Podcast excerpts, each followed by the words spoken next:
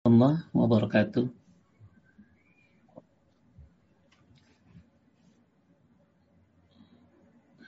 Halo Pak Rashid, kedengaran? Uh, ya, kedengaran Ustaz. Apa nih kamera saya lagi error. ya. Alhamdulillah, nahmaduhu wa nasta'inuhu wa nastaghfiruh wa na'udhu billahi min syururi anfusina wa min si'ati amalina man yahdillah fala mudilla lah wa man yudlil fala hadiya lah asyhadu an la ilaha illallah wahdahu la syarika lah وأشهد أن محمدا عبده ورسوله اللهم صل على محمد وعلى آل محمد كما صليت على إبراهيم وعلى آل إبراهيم إنك حميد مجيد اللهم بارك على محمد وعلى آل محمد كما باركت على إبراهيم وعلى آل إبراهيم إنك حميد مجيد Bapak Ibu sekalian yang dimuliakan Allah Subhanahu wa taala, alhamdulillah pada hari ini Allah mudahkan kita untuk menuntut ilmu di Majelis Taklim Rumah Dakwah Paduka. Semoga apa yang dilakukan oleh para pengurus mendapatkan amal jariah dari apa yang mereka usahakan berupa ilmu-ilmu yang bermanfaat dan insya Allah mudah-mudahan jadi bekal yang sangat berharga nanti ke akhirat nanti insya Allah.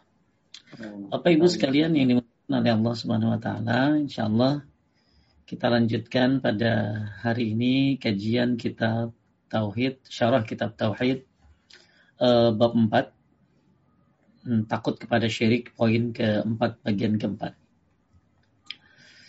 Saya akan share screen uh, hadis yang akan kita bahas.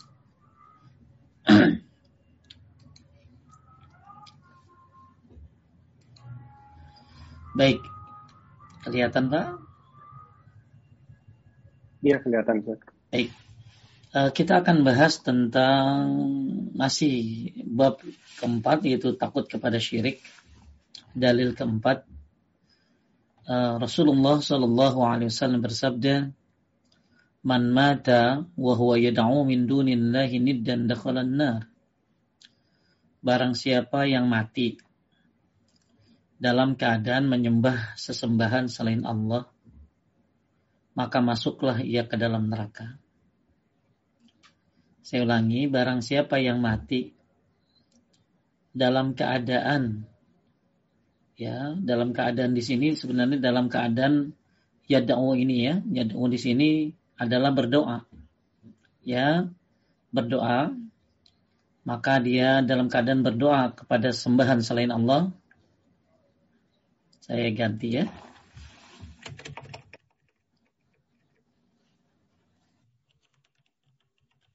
Ya dalam keadaan berdoa kepada sesembahan selain Allah maka masuklah ia ke dalam neraka. Jadi kita akan bahas tentang bagaimana doa ya, hebatnya doa. Dan ternyata segitu hebatnya doa, banyak hal yang bisa dilakukan oleh doa. Di sini disebutkan Sungguh doa merupakan ibadah yang sangat penting. Karena pada doa nampaklah kerendahan dan ketundukan orang yang berdoa kepada zat yang ditujukan doa. Jadi ketika seseorang berdoa itu ya tampak rendahlah kita dan memang kita ini rendah ya. Yang maha tinggi hanya Allah Subhanahu wa taala. Maka ketika kita berdoa, maka tampaklah kerendahan makhluk itu. Yang maha tinggi hanya yang ditujukan dalam doa kita yaitu Allah Subhanahu wa taala. Maka pantas saja jika Nabi Shallallahu alaihi wasallam bersabda, "Ad-du'a wal ibadah." Tsumma qara'a wa qala rabbukum ud'uni astajib lakum. Doa itu adalah ibadah. Kemudian Nabi Shallallahu Alaihi Wasallam membaca firman Allah dan Rob kalian berkata, berdoalah kepadaku, niscaya aku kabulkan bagi kalian. Pada hadis ini disebutkan bahwa doa itu adalah ibadah. Jadi ketika Anda sedang berdoa, Anda bukan hanya sedang meminta, tapi Anda sedang ibadah. Maka apa pantas Anda lagi ibadah, Anda meminta kepada selain Allah? Ya, karena orang berdoa ini banyak macam ya. Ya, mereka berdoa, makanya salah satu salah satu kesyirikan adalah Mereka berdoa kepada selain Allah. Nah, di sini sekali lagi disebutkan bahwa doa adalah ibadah, sedangkan ibadah hanya kita serahkan kepada Allah Subhanahu wa taala. Ibnu Hajar berkata menjelaskan agungnya ibadah doa. Jumhur mayoritas ulama menjawab bahwasanya doa termasuk ibadah yang paling agung. Dan hadis ini seperti hadis yang lain al-hajju arafah. Haji adalah arafah. Ya, kata-katanya simpel ya. Ad-du'a wal ibadah. Doa adalah ibadah. Sama hadis ini kata Ibnu Hajar kayak al-hajju arafah. Haji adalah arafah. Kenapa? Karena maksudnya wukuf di Arafah merupakan dominannya haji dan rukun haji yang paling besar. Bahkan disebutkan juga doa mukhul ibadah. Doa ini adalah inti ibadah. Dan telah banyak hadis Nabi Shallallahu Alaihi Wasallam yang memotivasi dan mendorong untuk berdoa. Seperti hadis Abu Hurairah yang marfu, "Laisa syai'un akramu Allah minad du'a." Tidak ada suatu pun yang lebih mulia di sisi Allah daripada doa. Jadi doa ini Masya Allah ya, kebiasaan orang-orang soleh, kebiasaan orang-orang bijaksana, kebiasaan orang-orang kuat, kebiasaan orang-orang lemah. Gitu doa. Maka kembali lagi doa wal ibadah. Doa adalah ibadah. Dan tidak layak seseorang berdoa kepada selain Allah Subhanahu wa taala. Karena ibadah hanya diserahkan kepada Allah Subhanahu wa taala. Dan hadis ini menjelaskan tentang siapa yang mati dalam keadaan berdoa kepada sesembahan selain Allah, maka masuklah ia ke dalam neraka. Ya, dia berdoa ya minta kepada selain Allah, maka masuklah dia ke dalam neraka. Masyarakat mu'minin rahimani wa rahimakumullah. Bahkan uh, disebutkan dari Al-Hafiz Ibnu Hajar Asqalani rahimahullah mengatakan fal faza'u ila salati 'inda wuqu'il bala min sunnatil anbiya'i wal awliya'i wal asfiya bersegera melakukan salat ya ketika tertimpa musibah termasuk sunnahnya para nabi dan waliullah yang ikhlas ini orang salat gimana ketika Anda salat lalu Anda berdoa kepada Allah Subhanahu wa taala maka doa yang terbaik adalah ketika salat akrabu dan abdu min rabbihi fawasajid. Saat terdekat seorang hamba kepada Allah adalah lagi sujud, fa'aksir doa, maka perbanyaklah dia berdoa. Salat menjadikan sebab musibah ya yang tertimpa kepada kepada manusia, maka Allah Subhanahu wa taala uh, bisa me me mengangkat segala musibahnya apalagi ketika dalam sholatnya dia banyak berdoa kepada Allah Subhanahu wa taala. Kemudian juga dari Abu Hurairah radhiyallahu anhu Rasulullah sallallahu alaihi wasallam bersabda, "Ajazun nas man ajaza 'anid du'a." Tadi kalau kita bicara bahwa sholat ini kan sebenarnya sholat itu artinya doa para syed. Sholat itu artinya doa. Ya, sebagaimana firman Allah, wasalli alaihim ya wasalli alaihim dan sallilah kepadanya salli di sini artinya doa makanya dalam sholat itu banyak sekali doa ya banyak sekali doa dan ketika anda sholat kemudian banyak berdoa sangat luar biasa sekali salah satu tempat yang paling bagus untuk berdoa adalah ketika sujud sebelum salam Nah, ketika kita bicara tentang doa, ternyata manusia yang paling lemah ialah yang lemah dalam berdoa. Ajazun nas man ajaza anid du'a. Manusia paling lemah ialah yang lemah dalam berdoa. Ya. Ada orang berdoa malas-malesan. Kadang doa ya banyaknya enggak. Nah, ini manusia paling lemah dalam dan manusia paling lemah adalah yang lemah dalam berdoa. Apa maksud daripada hadis ini? Manusia yang paling lemah ialah yang lemah dalam berdoa. Kata Amir al-San'ani rahimahullah, La yatrukuhu du'a illa a'ajazun nas. Tidak ada yang meninggalkan doa melainkan manusia paling lemah. Sebab tidak ada kesulitan dan kepayahan dalam melakukan ibadah doa. Doa itu kan para syed nggak harus nggak harus wudhu ya. Sunnahnya berwudhu. Tapi kalau nggak berwudhu ya nggak apa-apa. Jadi makanya kenapa manusia paling lemah adalah manusia yang lemah dalam berdoa. Karena berdoa ini sangat gampang sekali.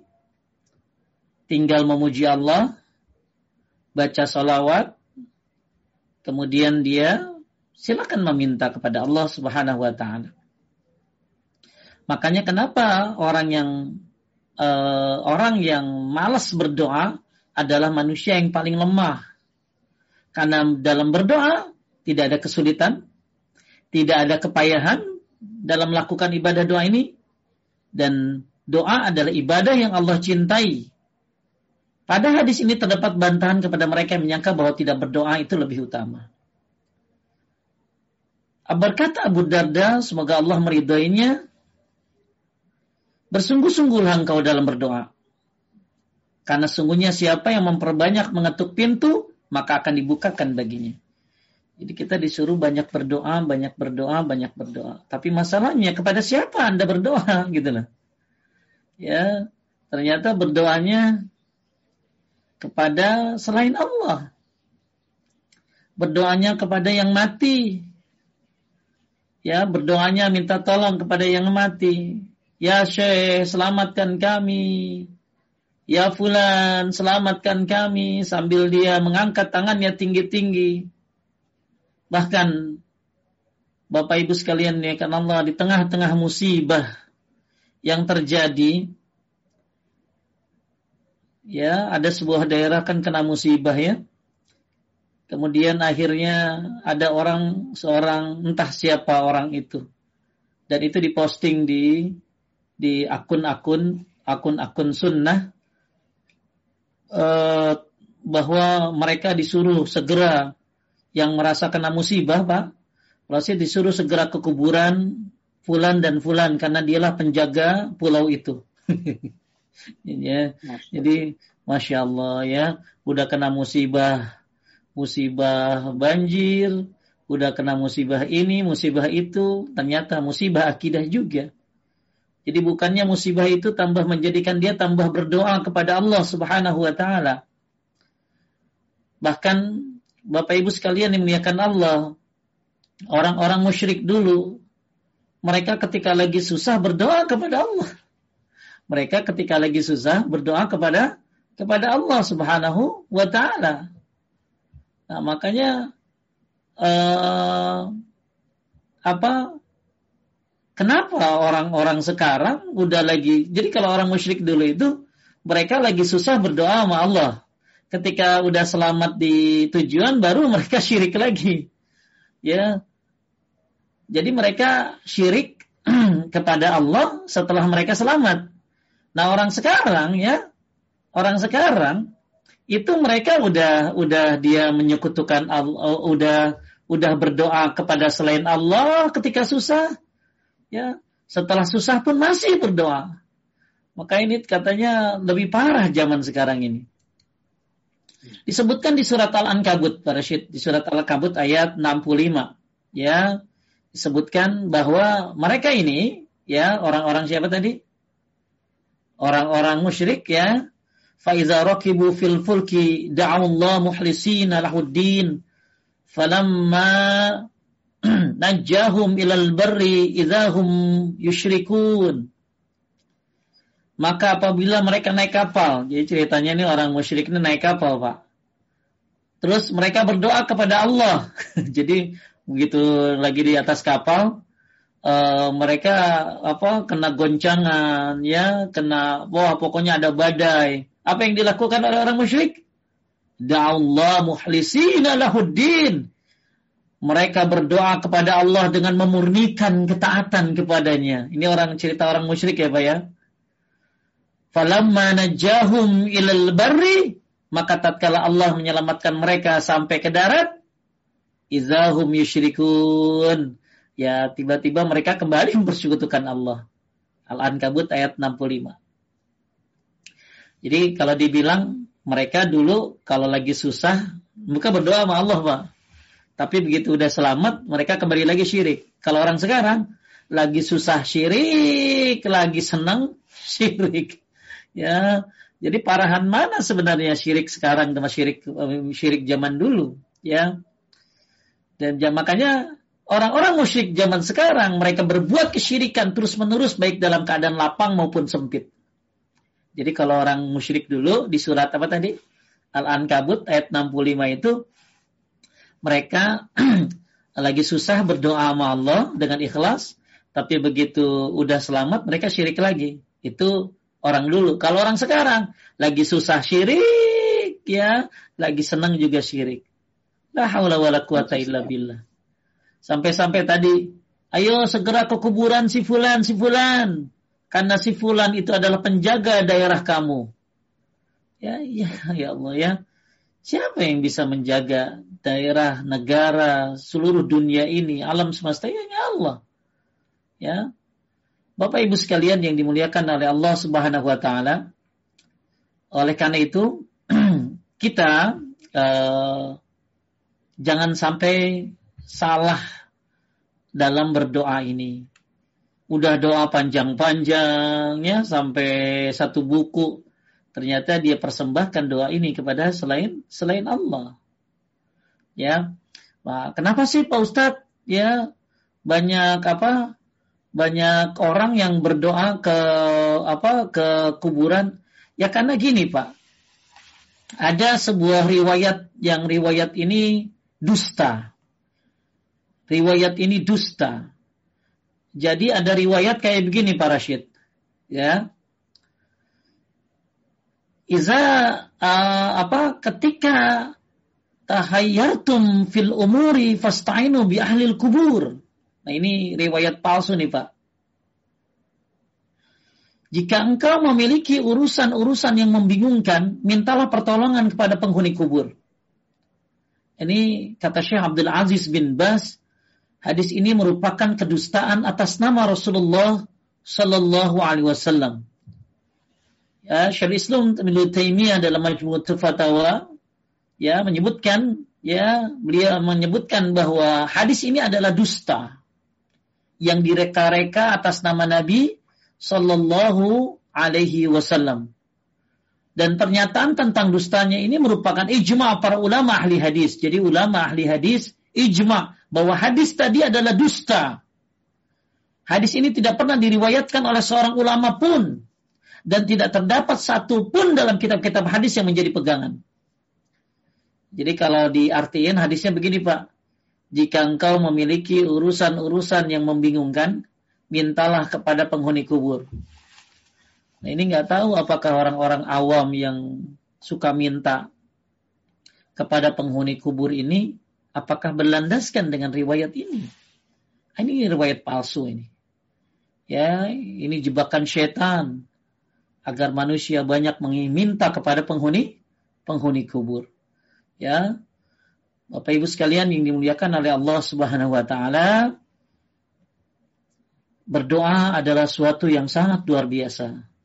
Bagi yang baru gabung, sedikit saya ulangi, kita sedang membahas siapa yang mati dalam keadaan berdoa kepada selain Allah, maka ia masuk ke dalam neraka.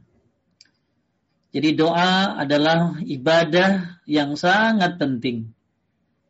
Bahkan doa itu adalah ibadah. Jadi Anda itu berdoa bukan hanya menyampaikan segala permintaan Anda, tapi ternyata doa itu doa itu sendiri adalah ibadah. Kemudian uh, ya disebutkan juga tadi doa mukhul ibadah. Doa itu adalah intinya ibadah sayang banget doa yang bersifat ibadah dan inti ibadah ternyata dipersembahkan kepada selain Allah Subhanahu wa taala. Bahkan tadi hadis yang disebutkan dari Abu Hurairah, "Laisa syai'un akramu 'ala Allah minad du'a." Tidak ada suatu pun yang lebih mulia di sisi Allah daripada doa. Kemudian juga bahkan disebutkan dari Abu Hurairah radhiyallahu an Rasulullah sallallahu alaihi wasallam bersabda, "A'jazuz a'jazun nas man ajaza 'anid du'a." manusia paling lemah ialah yang lemah dalam berdoa. Kenapa orang yang ber, yang yang yang nggak berdoa dianggap lemah? Karena berdoa itu sangat mudah. Ya. Dan kata Abu Darda radhiyallahu an, bersungguh-sungguhlah engkau dalam berdoa karena sungguhnya siapa yang memperbanyak mengetuk pintu maka akan dibukakan baginya. Ya. Kemudian juga Bapak Ibu sekalian yang dimuliakan oleh Allah Subhanahu wa taala. Kita sedang dalam keadaan musibah. Ya kan? Masih lockdown Pak Rashid? uh, masih Ustaz sampai pertengahan November, awal November kalau nggak salah. Eh Februari sorry. Februari Masya Allah. Lama ya? ya. Masih lama. Ya, Masya Allah. Ya, Bagaimana agar bala bencana ini bisa terangkat? Baik, Pak Rashid minta tolong baca. Baik, um, dari Syekh Salih. Dari Syekh Salih bin Abdullah Al-Fauzan Habibullah bertanyaan, apabila seorang insan mendapatkan ujian dan dia mengalami musibah, perkara apa yang bisa mengangkatnya? Bagaimana cara seorang insan berlindung kepada Allah dalam keadaan tertimpa musibah seperti penyakit ini? Jawabannya pertama dengan berdoa agar Allah mengangkat hal itu dengan doa. Berdoa kepada Allah agar Allah mengangkat apa yang Allah telah timpakan dan agar Allah meringankannya. Sesungguhnya Allah itu maha dekat lagi maha mendengar doa. Yang kedua, apabila musibah ini atau bala ini menimpa karena sebab dosa, maka sesungguhnya dia harus bertobat kepada Allah dari dosa-dosa dan juga dari dosa ini yang karena sebab dosa tersebut Allah menimpakan hukuman ini. Baik. Bapak Ibu sekalian yang dimuliakan oleh Allah Subhanahu wa taala. Jadi agar musibah ini cepat selesai ya, ya yuk berdoa. Kan udah Pak Ustadz, kurang banyak kali. Ya, karena doa dengan musibah itu, Pak, itu main pak kuat-kuat gitu loh. Naon pak kuat-kuat teh. Main kuat-kuatan gitu. Ya, makin banyak doa yang Anda baca, ya makin banyak doa Anda baca, makin banyak musibah yang terhindar. Makanya efek daripada sebuah doa itu banyak. Bisa dikabulkan, ya bisa dihindari dari musibah, bisa diganti dengan yang lain yang lebih baik, atau nanti di akhirat Anda akan melihat doa Anda akan jadi pahala yang banyak. Dan ketika Anda berdoa, ya berarti Anda sedang beribadah. Maka tidak pantas diserahkan ibadah ini kepada selain Allah subhanahu wa ta'ala. Maka Bapak Ibu sekalian yang dimuliakan oleh Allah, kata Syekh Fauzan, bagaimana agar musibah ini segera ya diangkat ya maka beliau menyarankan satu dengan doa ya satu dengan satu dengan doa Kenapa? Ya tadi karena doa itu adalah adalah ibadah, bahkan doa itu adalah intinya ibadah, ya. Maka berdoalah kepada Allah ya sebisa-bisanya sebanyak-banyak yang Anda bisa. Ya, para syed kalau lagi dalam keadaan susah begini apa doanya, Pak? Saya berdoanya dalam bahasa Indonesia, Ustaz. Uh, ya, ya uh, mungkin naon kira-kira doanya? Oh biar dihindari gitu ya musibah cepat beres ya. gitunya ya ya nggak apa-apa ya. Tapi ada satu doa Bapak Ibu sekalian yang bagus sekali kalau Anda baca apalagi dalam keadaan susah kayak begini nih. Ya ini doanya sangat bagus dibaca apalagi dalam keadaan sekarang ini. Kurang lebih doanya saya apa saya saya ini kan seperti ini doanya ya. Coba saya nah, ini doanya sebentar. Nanti insya Allah saya apa saya copy paste ke Mbak Feby agar di apa di dibaca oleh bapak-bapak dan ibu-ibu ini Pak doa-doanya nih Pak berapa hadis saat kesusahan, eh, bersedih dan gundah gulana. Dari Ibnu Abbas radhiyallahu anhu Rasulullah sallallahu alaihi mengajarkan doa ketika di kondisi susah. La ilaha illallah wal azimul halim. La ilaha illallah rabbul arshil azim. La ilaha illallah rabbus samawati wa rabbul abdi wa rabbul arshil karim. Ini doa dibaca lagi keadaan ini Pak bagus ya disebarkan kepada jamaah-jamaah yang ada di mana pun berada banyak-banyak baca doa ini. Ini bukan dari saya ya, ini diriwayatkan dari Bukhari dan Muslim. Kadang-kadang lagi lagi keadaan susah begini Pak, doa-doa bidah banyak banget Pak doa-doa bidah juga kreatif gitu loh. Ya, doa-doa bidah banyak disampaikan. Ya dan nggak sedikit yang yang ngasih ini ngasih ini ya. Doa-doa yang tidak syar'i. Maka yuk kita sebarkan doa-doa syar'i lewat kajian paduka ini. Nah, ini bagus dibaca ketika kita dalam kondisi saat seperti ini. Uh, kalau kata Syekh bin Bas ini bagus dibaca juga sebelum doa Pak jadi sebelum doa baca ini dulu la ilaha illallah al-azimul halim, la ilaha illallah rabbus rabbul arsyil azim, la ilaha illallah rabbus samawati rabbul ardi rabbul arsyil karim. Baru Anda baca alhamdulillah rabbil alamin baru baca salawat. Ya, boleh juga Anda baca hamdalah dulu, baca pujian dulu, baca salawat baru baca ini. Ya. Yuk, ya minta tolong lewat paduka, ya. Capek nggak para syed di rumah wae? Ya, bosan. Ya. Alhamdulillah. Iya. Mau ke mana-mana bingung. Ya, Alhamdulillah, iya. kulihal. Kalau saya mah seneng ya, ngajar lewat duduk doang aja. cuman, cuman ini aja ini apa pantat yang pegel aja. Jadi, ya. ini saya ya senang sekali ngajar kayak begini ya, masya Allah. Uh. Jadi ketika kan banyak orang yang memang, aduh nggak sabar ya, memang berat banget ya biasa keluar. Makanya bantu doanya ya bantu doanya ya doa itu intinya ibadah. Bahkan tidak ada yang lebih mulia daripada doa. Makanya yuk baca la ilaha illallahul azimul halim. La ilaha illallah rabbul arshil azim. La ilaha illallah rabbus samawati wa rabbul ardi wa rabbul arshil karim.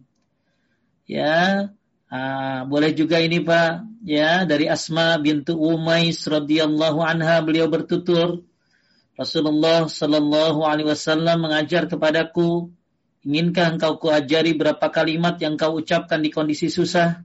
Ini gampang nih Pak. Allah, Allah, Rabbi la usyriku bihi syai'a. Allah, Allah, Rabbi la usyriku bihi syai'a. Ini doanya nggak ada bilang begini Pak ya Allah keluarin cepetin musibah dong nggak. Ini sudah inti dari sebuah doa bahwa kita tidak menyekutukan Allah karena kebanyakan azab adalah karena kesyirikan dan kemaksiatan. Oleh karena itu doa ini ya bagus dan pendek kali Pak Rashid ya gampang kan? Allah Allah Rabbi la usyriku bihi syai'ah ini dari eh, ini diajarkan oleh Nabi Shallallahu Alaihi Wasallam kalimat yang diucapkan di kondisi susah. Kita kan lagi susah nih, ya. Kemudian juga dari Abu Bakrah radhiyallahu an Rasulullah Shallallahu Alaihi Wasallam berdoa doa pada kondisi-kondisi susah adalah Allahumma rahmataka arju fala takilni ila nafsi tarfata ainin وأصلح لي شعني كله لا إله إلا أنت Ya Allah, hanyalah rahmatmu yang saya harapkan. Janganlah engkau menyerahkan saya pada diriku sendiri walaupun sekejap mata. Perbaikilah segala perkaraku. Tiada yang berhak diibadahi kecuali engkau.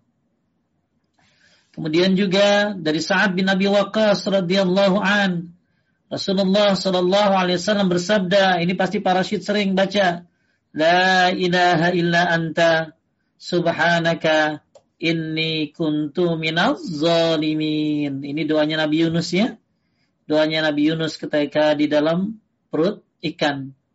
Ya, ini doanya Nabi Zunnun. Ya, maksudnya Nabi Zunnun ini adalah Nabi Yunus alaihi salam. Ya, Bapak Ibu sekalian melihatkan Allah, Walaupun anda, anda tidak bilang, ya Allah segera angkat wabah ini, segera angkat wabah ini. Maka Anda boleh bilang seperti itu nggak apa-apa ya.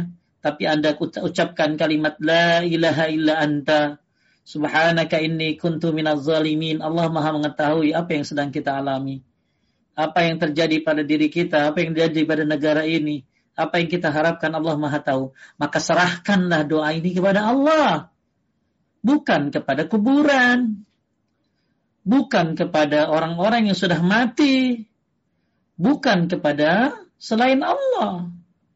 Maka siapa yang mati dalam keadaan berdoa kepada selain Allah, maka dia masuk neraka. Karena dia berdoa kepada selain Allah. Sedangkan dia tahu setiap sholat baca Alhamdulillahi Rabbil Alamin. Segala puji bagi Allah Rabb semesta alam. Allah yang mengatur. Allah yang memiliki alam ini. Kenapa dia minta kepada selain Allah? Tadi karena tertipu dengan riwayat-riwayat yang palsu. Apa tadi riwayatnya? Ya, kalau lagi susah, mintalah kepada penghuni kubur. Nah, ini riwayat palsu. Ya, bahkan tidak ada dalam kitab hadis satupun kecuali kitab hadis palsu gitu loh. Kemudian ada lagi Allahumma inni abduka ini dari Abdullah bin Mas'ud radhiyallahu an. Para syed saya kalau ada yang kena Covid ya saya kasih ini doa nih. Jadi siapa-siapa yang lagi kena Covid ya berapa orang yang kena Covid jamaah ya saya kasih doa ini ya banyakin baca dah. Dan dan ini bukan yang buat hanya yang kena Covid, semuanya baca bagus kita kompakin yuk pengajian paduka semuanya. Ya, kita kompakin baca doa ini ya sebanyak-banyaknya.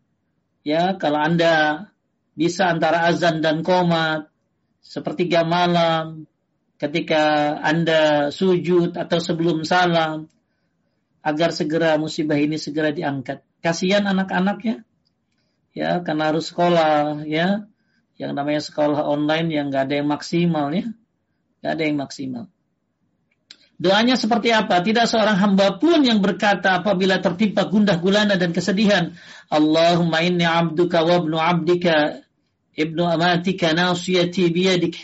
Madin fiyya hukmuk adun fiyya qada'uk. As'aluka bikulli ismin huwa lak sammaita bihi nafsak. أو أنزلته في كتابك أو علمته أحدا من خلقك أو استأثرت به في علم الغيب عندك أن تجعل القرآن ربيع قلبي wa nura sadri wa jilaa husni wa zahaba hammi. Boleh dibaca artinya para syekh? Ya Allah, sesungguhnya saya adalah hambamu dan anak hambamu, serta anak hamba perempuanmu. Ubun-ubunku di tanganmu, hukummu berlaku padaku, ketentuanmu merupakan keadilan bagiku. Saya memohon kepadamu dengan segala nama yang merupakan milikmu, engkau namakan dirimu dengannya, engkau turunkan dalam kitabmu, engkau ajarkan kepada seor seorang dari makhlukmu, atau engkau simpan di ilmu gaib di sisimu, agar engkau menjadikan Al-Quran sebagai kesejukan hatiku, cahaya dadaku, penyerna kesedihanku, dan penghilang, penghilang gundah gulanaku. Kecuali Allah akan menghilangkan gundah gulananya dan mengganti kesedihannya dengan kegembiraan. Masya Allah, ya, ya, jangan ragu ya Bapak Ibu ya. Berarti ada berapa nih? Ada satu, dua, tiga, empat, lima. Yuk, ya, saya akan apa share ya di partisipan ya, biar langsung di apa di copy paste sama bapak ibu. Coba saya ini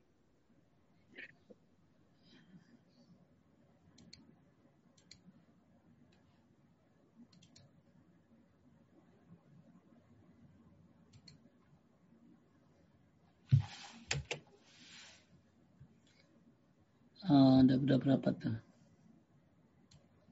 Baru satu. Silakan Bapak Ibu di copy paste riwayat apa doanya. Ini mungkin sedikit-sedikit ya.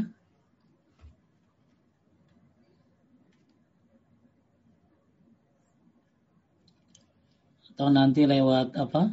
Lewat Pak Febi ya. Tapi tanggung lah biar ya, bisa kita bagikan nanti? Biar apa? Biar langsung. Ya. baik. Ada satu lagi yang belum.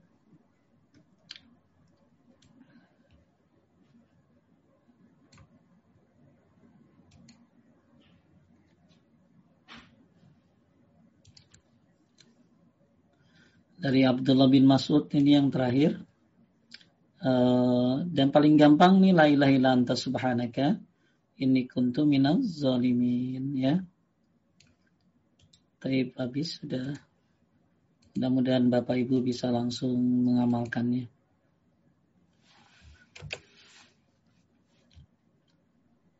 Ada yang terputus artinya.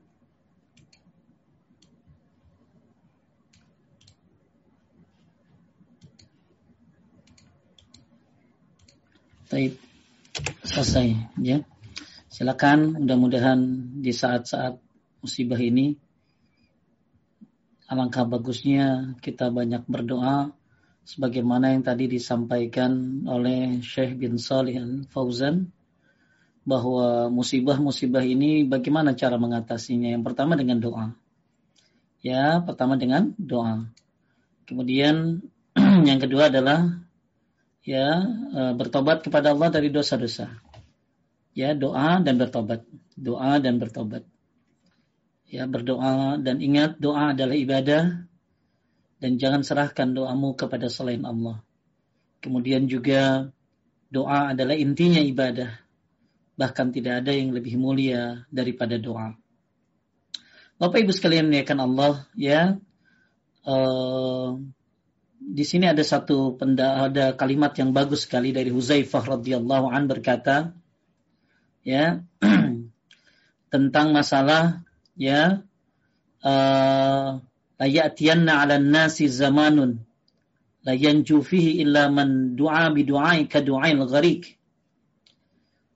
Kata Huzaifah radhiyallahu an pasti akan datang suatu masa kepada manusia di masa itu tidak ada yang selamat kecuali orang yang berdoa seperti doa orang yang hampir tenggelam ya saya ulangi Pasti akan datang suatu masa, layatiyannas 'alan nasi zamanun. Pasti akan datang suatu masa kepada manusia layan jufihi. Di masa itu tidak ada yang selamat. Illa man du'a bi du'ai ka du'ail gharik. Kecuali orang yang berdoa seperti doa yang hampir tenggelam. Kalau orang lagi tenggelam kan, Masya Allah, Pak Rashid. Ya, sangat butuh. Ini kata-kata yang kata-kata dari Huzaifah radhiyallahu anhu. Huzaifah ini sahabat Nabi, Pak, yang paling banyak tahu tentang rahasia-rahasia yang disampaikan oleh Rasulullah sallallahu alaihi wasallam. Termasuk beliau banyak tahu siapa orang-orang munafik yang ada di Madinah saat itu. Ya, beliau adalah uh, penjaga rahasia. Nah, ini Huzaifah radhiyallahu an ya menyebutkan bahwa akan datang suatu masa kepada manusia kita nggak tahu ya Pak setelah ini kayak apa. Sekarang aja udah udah udah banyak takut ya. Maka di masa itu tidak ada yang selamat. Tidak ada yang selamat kecuali orang yang berdoa. Seperti doa orang yang hampir tenggelam. Berarti doanya benar-benar ya, benar-benar dilakukan, benar-benar di di apa diyakini ya seperti orang yang sangat membutuhkan. Tidak ada yang selamat kata beliau kecuali orang yang berdoa seperti orang yang hampir tenggelam. Maka Bapak Ibu yang masih rada-rada malas untuk berdoa, yuk ya, terus berdoa. Lagi sujud sebelum salam antara azan dan komat ketika hujan turun, sekali-kali dibolehkan sehabis sholat, ya, kemudian di waktu-waktu yang habis Jumat setelah asar, ya azan aja lima kali itu antara azan dan komat kita bisa doa itu sayang banget. Dan jangan doa hanya untuk diri sendiri ya. Doakan juga buat bangsa ini ya buat seluruh dunia khususnya kaum muslimin agar segera Allah Subhanahu wa taala selamatkan dan cepat diangkat wabah ini. Tidak ada yang selamat kata beliau kecuali orang yang berdoa seperti doa orang yang hampir tenggelam. Berarti yang selamat itu yang benar-benar sungguh-sungguh ya dalam berdoa. Kemudian Bapak Ibu sekalian memuliakan Allah, Al-Allama Ibnu Saimin rahimahullah berkata, Boleh dibaca Pak Rashid? Eh, doa merupakan sebab terangkatnya ketetapan Allah. Berapa banyak musibah yang telah terangkat dengan sebab doa. Dan berapa banyak kenikmatan yang diperoleh dengan sebab doa. Ya, berapa banyak musibah yang telah terangkat dengan sebab doa. Dan berapa banyak kenikmatan yang diperoleh dengan sebab doa. Kemudian Bapak Ibu, jangan pernah putus harapan dalam doamu. Al-Imam Ibn Rajab Al-Hambali rahimahullah berkata, Selama seorang hamba memohon dengan sangat di dalam doanya, sangat berharap dikabulkan dan tidak putus harapannya, maka doa tersebut besar harapan akan terkabul. Seorang yang sangat berharap tentu dia akan mengetuk pintu itu, dia berharap akan dibukakan untuknya. Kembali kata perkataan Abu Darda tadi di awal, perbanyaklah mengetuk pintu, suatu saat akan dibukakan. Ya, perbanyaklah berdoa, suatu saat akan dibuka. Kemudian Bapak Ibu sekalian yang muliakan oleh Allah Subhanahu wa taala, Al-Alama Ibnu Qayyim rahimahullah mengatakan, setiap kali engkau meminta kepada Allah, maka engkau akan semakin dekat dan dicinta olehnya. Tuh. Jadi setiap kali kita berdoa, maka Allah akan semakin dekat dan dicinta kita oleh Allah. Dan setiap kali engkau merengek kepadanya ketika berdoa, maka Allah akan mencintaimu. Masya Allah. Ya. Bapak Ibu sekalian yang muliakan Allah, ini kata-kata yang indah dari beliau.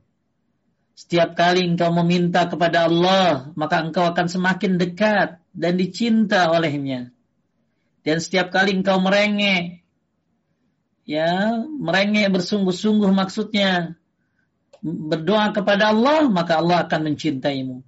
Jadi ternyata doa bukan hanya sekedar ibadah, bukan hanya intinya doa, bukan hanya suatu amal yang mulia, tapi ternyata doa juga adalah menyebabkan Allah Subhanahu wa taala semakin dekat dengan hambanya dan kita akan dicintai oleh Allah Subhanahu wa taala.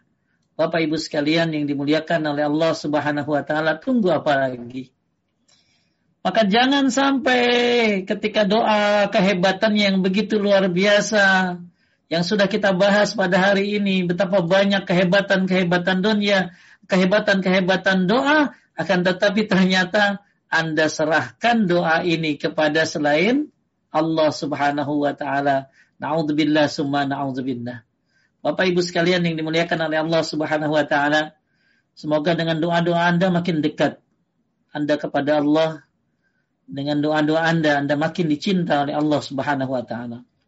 Kemudian Bapak Ibu sekalian dimuliakan Allah Al-Alamah Abdurrahman bin Sa'di rahimahullah berkata, Barang siapa yang tujuannya dalam berdoa adalah mendekatkan diri kepada Allah dengan doa dan agar dia mendapatkan keinginannya, maka hal ini jauh lebih sempurna daripada seorang yang tujuan doanya hanya untuk mendapatkan apa yang dia inginkan. Sebagaimana keadaan kebanyakan orang, maka sungguh ini merupakan sebuah kekurangan dan kondisi terhalangnya dia untuk memperoleh keutamaan yang agung ini. Jadi Pak, kalau Anda berdoa, jangan cuma pengen minta keinginan Anda, tapi ketika Anda berdoa niatkan, saya ingin mendekatkan diri kepada Allah. Coba Pak Rashid. Ketika kita berdoa, yang ada di kepala kita apa Pak? Supaya Allah mengabulkan doa-doa kita, betul? Betul? Tapi ada nggak di pikiran kita mikir begini, saya mau berdoa, ah, kenapa? Karena apa ketika dia berdoa dia saya ingin mendekatkan diri kepada Allah dengan doa. Jadi kata beliau, kata Syekh Nasir Sa'adi, jadi barang siapa yang tujuan dalam berdoa adalah mendekatkan diri kepada Allah dengan doa dan agar ia mendapatkan keinginannya, maka hal itu jauh lebih baik. Jadi ketika kita berdoa, berharap tambah dekat sama Allah. Ketika kita berdoa, berharap dipenuhi keinginan kita, maka itu lebih baik daripada hanya orang berdoa supaya mendapatkan keinginannya saja. Jadi supaya lebih sempurna kata beliau. Jadi ketika Anda mau berdoa bukan hanya niat supaya keinginan dikabulkan, Tapi ketika Anda berdoa, niatkan, aku ingin mendekatkan diri kepada Allah dengan doa. Maka pantas tadi kata ya yang tadi sudah kita bahas, yang sudah kita lewati pembahasannya, bahwa ketika Anda berdoa sebenarnya Anda sedang mendekatkan diri kepada Allah dan Anda makin dekat dengan Allah dan ketika Anda berdoa maka Anda akan dicintai oleh Allah Subhanahu wa taala. Maka niatkan ketika dirimu berdoa bukan hanya untuk meminta tapi niatkan bahwa berdoa adalah untuk mendekatkan diri kepada Allah Subhanahu wa taala. Ternyata masih ada yang salah ya Pak ya. Ternyata masih ada yang salah kita dalam dalam niatnya. Nah, inilah kata Syekh Abdurrahman As-Sa'di, beliau ya gurunya Syekh bin Salih Al-Utsaimin, uh, tafsir beliau yang terkenal adalah tafsir As-Sa'di. Ya. Oleh karena itu, Bapak Ibu sekalian ya kan Allah niatkan ketika doamu satu, doamu hanya tertuju kepada Allah Subhanahu wa taala. Dan jangan minta doamu kepada selain Allah, kepada penghuni kubur, kepada jin, kepada malaikat, ya uh, minta kepada Nabi Muhammad pun nggak boleh ya Pak. Karena Nabi kita disuruh baca salawat, bukan minta kepada Nabi Muhammad, tapi kita hanya meminta kepada Allah Subhanahu wa taala iyyaka na'budu wa iyyaka nasta'in. Ya, kemudian juga tadi niatkan bahwa doa ini untuk mendekatkan dirimu kepada Allah Subhanahu wa taala. Maka ini lebih sempurna kata beliau. Ya, ini lebih baik daripada orang yang berdoa hanya untuk supaya keinginannya terpenuhi saja. Kemudian Bapak Ibu sekalian dimuliakan Allah, uh, empat perkara yang hendaknya dilakukan ketika berdoa, kata Syekh bin Salih Utsaimin. Yang pertama, kata beliau, pahamilah bahwa doa harus disertai dengan beberapa perkara. Jadi ketika Anda berdoa, maka sertai doa Anda dengan beberapa perkara ini. Yang pertama, sungguh-sungguh dalam bersandar pada Allah. Yaitu dia berdoa pada Allah seperti doanya orang yang di kondisi terjepit. Bukan seperti orang yang merasa tidak memerlukan Allah. Jadi kalau doa teh Pak benar-benar butuh ya, benar-benar apa sih sungguh-sungguh jangan cuman ya Allah angkat wabah corona ini. Ya terserah engkau sih mau diangkat mau kagak. Astagfirullah. Ya, jadi harus sungguh-sungguh. Ya Allah, angkat wabah ini ya Allah.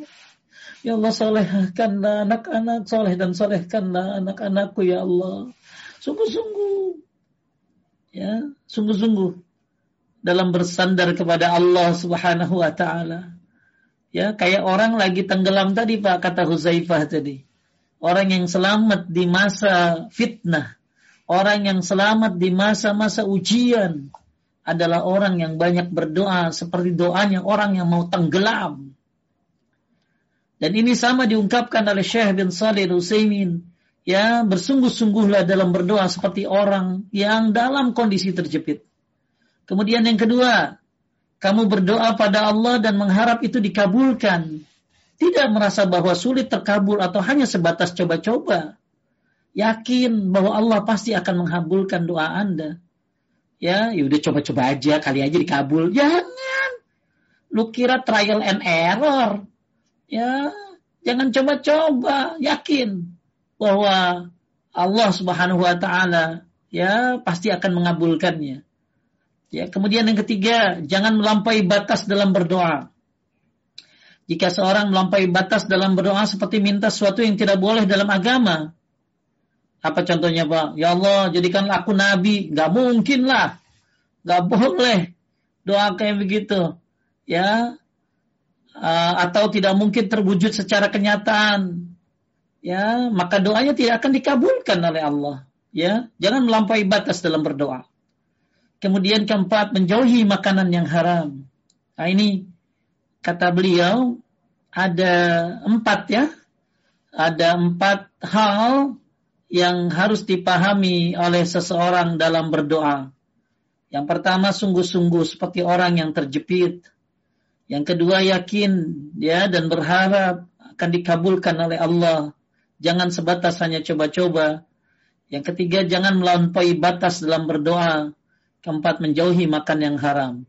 Apa sih yang disebut melampaui batas dalam berdoa? Ya, melampaui batas atau tidak dalam berdoa adalah perkara yang terlarang. Seperti apa Pak Ustadz? Yang disebut uh, ber, apa, melampaui batas dalam berdoa. Allah Ta'ala berfirman, Ud'u rabbakum tadarru'an wa khufyatan, innahu la yuhibbul mu'tadin. Berdoalah kepada Rabbmu dengan merendahkan diri dan dengan suara yang lirih. Sesungguhnya Allah tidak menyukai orang-orang yang melampaui batas. Innahu la yuhibbul mu'tadin. Jadi yang disebut mu'tadin apa? Disebut orang yang tidak ini ya contoh melampaui batas dalam berdoa. Boleh Pak Rashid.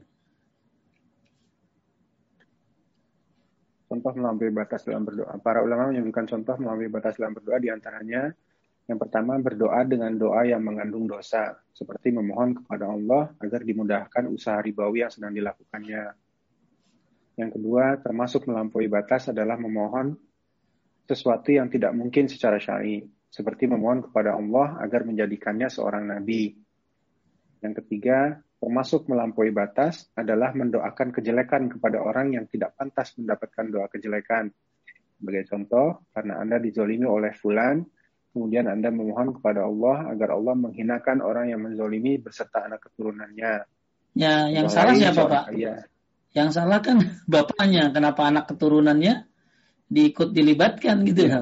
Ya, terus Contoh lain, seorang ayah atau ibu mendoakan kejelekan untuk anaknya karena si anak berpegang teguh dengan sunnah atau be karena belajar agama. Ah, jadi inilah contoh-contoh yang melampaui batas yang disebut dengan apa tadi mu'tadin. Innallaha la yuhibbul mu'tadin. Allah tidak suka orang berdoa melampaui batas. Ini tadi doanya mengandung dosa ya Allah, usaha riba saya biar mantap dan biar kembang ya. Uh, jadi dia usaha apa diskotik saya biar lancar ya. Jadi orang ya ada parasit saya punya jamaah waktu itu ya ada ibu-ibu nanya sama saya begini, Pak Ustadz, boleh nggak saya doain ibu itu celaka? Emang kenapa bu doain orang celaka? Saya di live dari grup. Gara-gara di live dari grup, ibu itu marah ya dikeluarin dari grup marah, pengen doain tuh orang celaka yang ngeluarin dia. Lalu saya tanya, mungkin ibu udah ibu udah ngas, udah udah tabayun belum sama dia, udah ngasih tahu belum?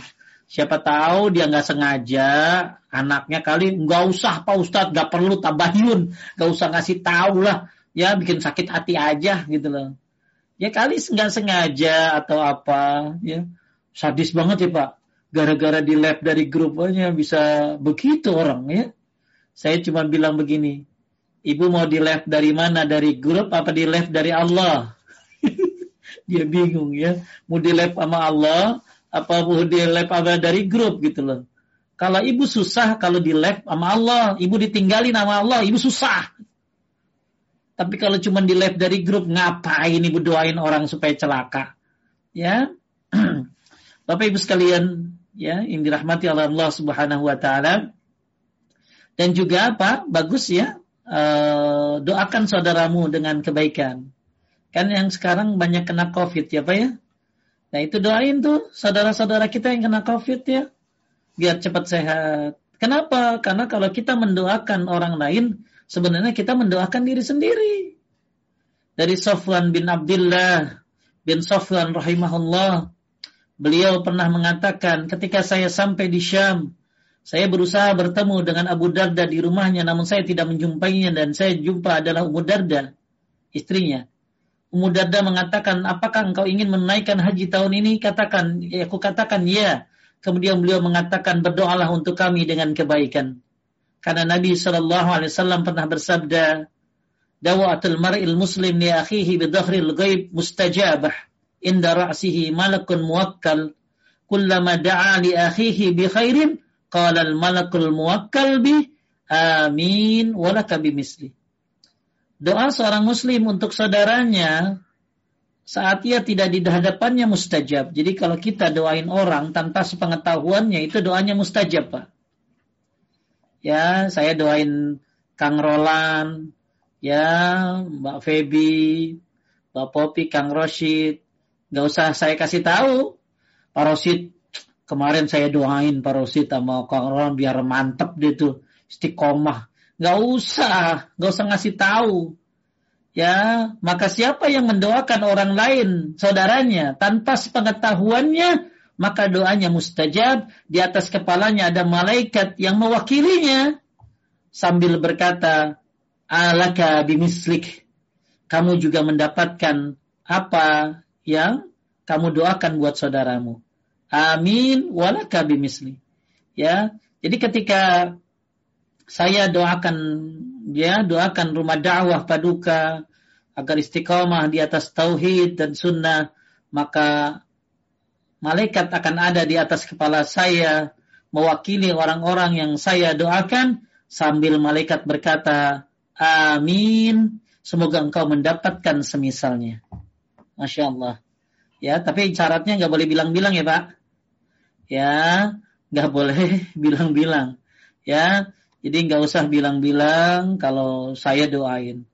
Ya, saya pernah pulang dari mana ya, dari umrah waktu itu ada ibu-ibu kan dijemput ya sama keluarganya. Wah, langsung begitu di bandara oh, udah nyampe bandara, gue udah gue doain, gue doain pokoknya semuanya. Yo,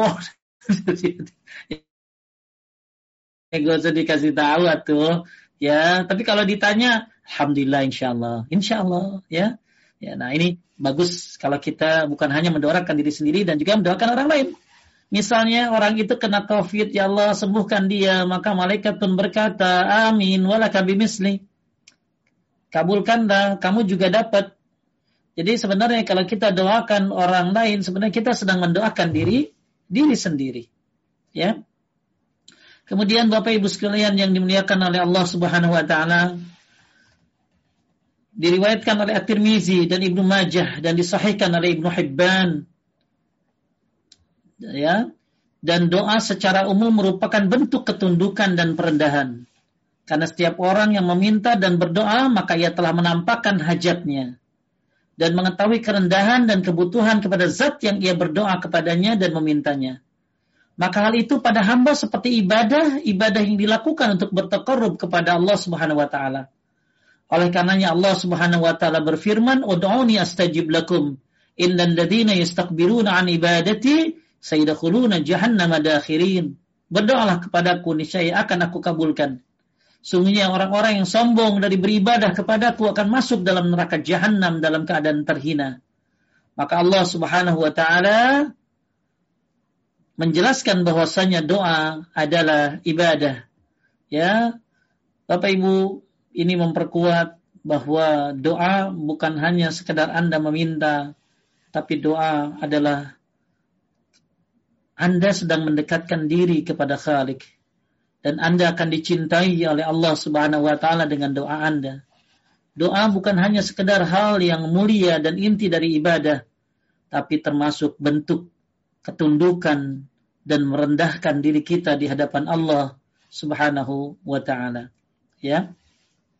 Ar-Razi berkata dan mayoritas orang berkata orang berakal berkata, "Inna du'a ahammu maqamatil ubudiyah." Wujuhu minan nakli wal aqli amma dalailun naqliyah fakathirah dan mayoritas orang berakal berkata sungguhnya doa merupakan kedudukan peribadatan yang paling penting.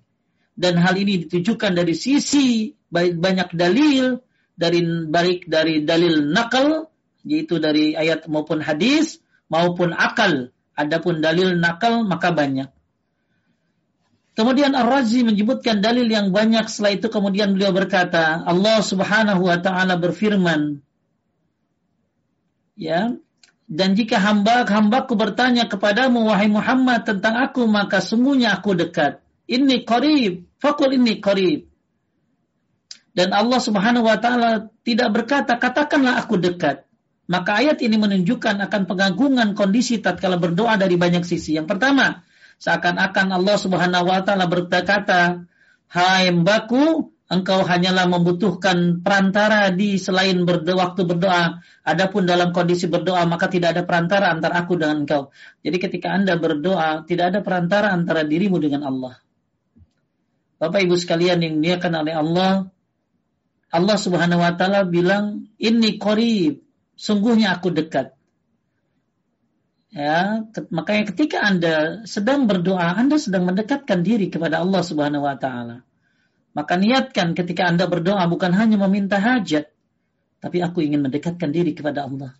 Sehingga Allah pun akan mendekat kepadamu dan Allah pun akan mencintaimu. nah, selanjutnya lantas bagaimana jika kerendahan, ketundukan kondisi seorang sedang berdoa ini diserahkan dan diperuntukkan kepada selain Allah Subhanahu wa taala? Jadi, ketika doa adalah ibadah, inti ibadah, kemuliaan, Lalu bagaimana jika kerendahan dan ketundukan seorang yang berdoa ini diserahkan kepada selain Allah Subhanahu wa taala? Tadi sudah kita bahas orang-orang musyrikin ketika mereka susah. Dia mereka susah. Mereka berdoa kepada Allah. Itu orang musyrik loh. Bahkan berdoanya ikhlas mereka itu. Ya, tapi begitu udah nyampe daratan, mereka kembali lagi menyekutukan Allah. Nah kalau orang sekarang katanya mereka udah udah lagi susah syirik, lagi senang pun syirik. Naudzubillah. Kalau orang dulu susah lagi susah tidak syirik, begitu lagi senang mereka syirik.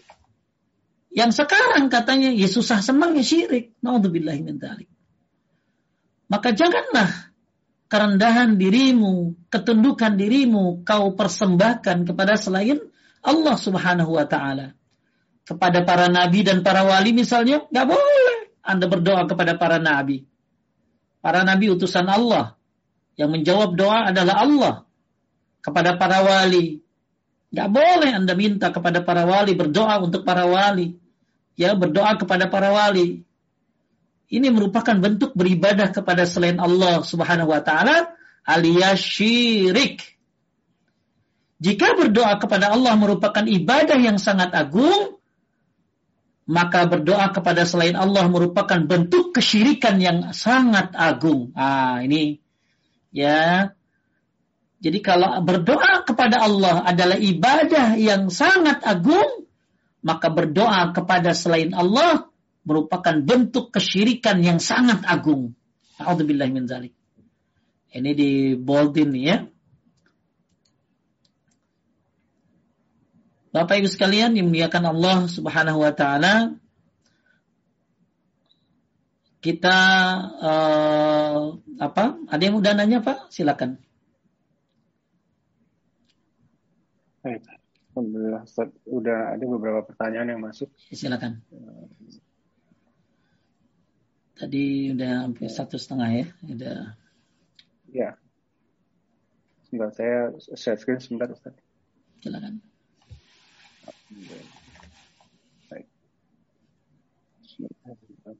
Assalamualaikum Pak Ustadz. Doa saat sujud terakhir dan doa sebelum salam diucapkan dalam hati atau diucapkan secara sir pelan. Membaca doa setelah sholat tahajud 12 rakaat. Apakah setelah menyelesaikan sholat tahajud 12 rakaat tersebut atau setiap dua rakaat setelah salam? Baik, mungkin di masih share apa di apa ya, di, ya. di bukan sujud terakhir ya, setiap sujud ya. Karena dalam kitab uh, Salatul Mu'amin, Syekh Wahab Al-Qahtani, termasuk ini adalah bantahan dari Syekh bin Salih Utsaimin tentang orang yang sujud terakhirnya lama.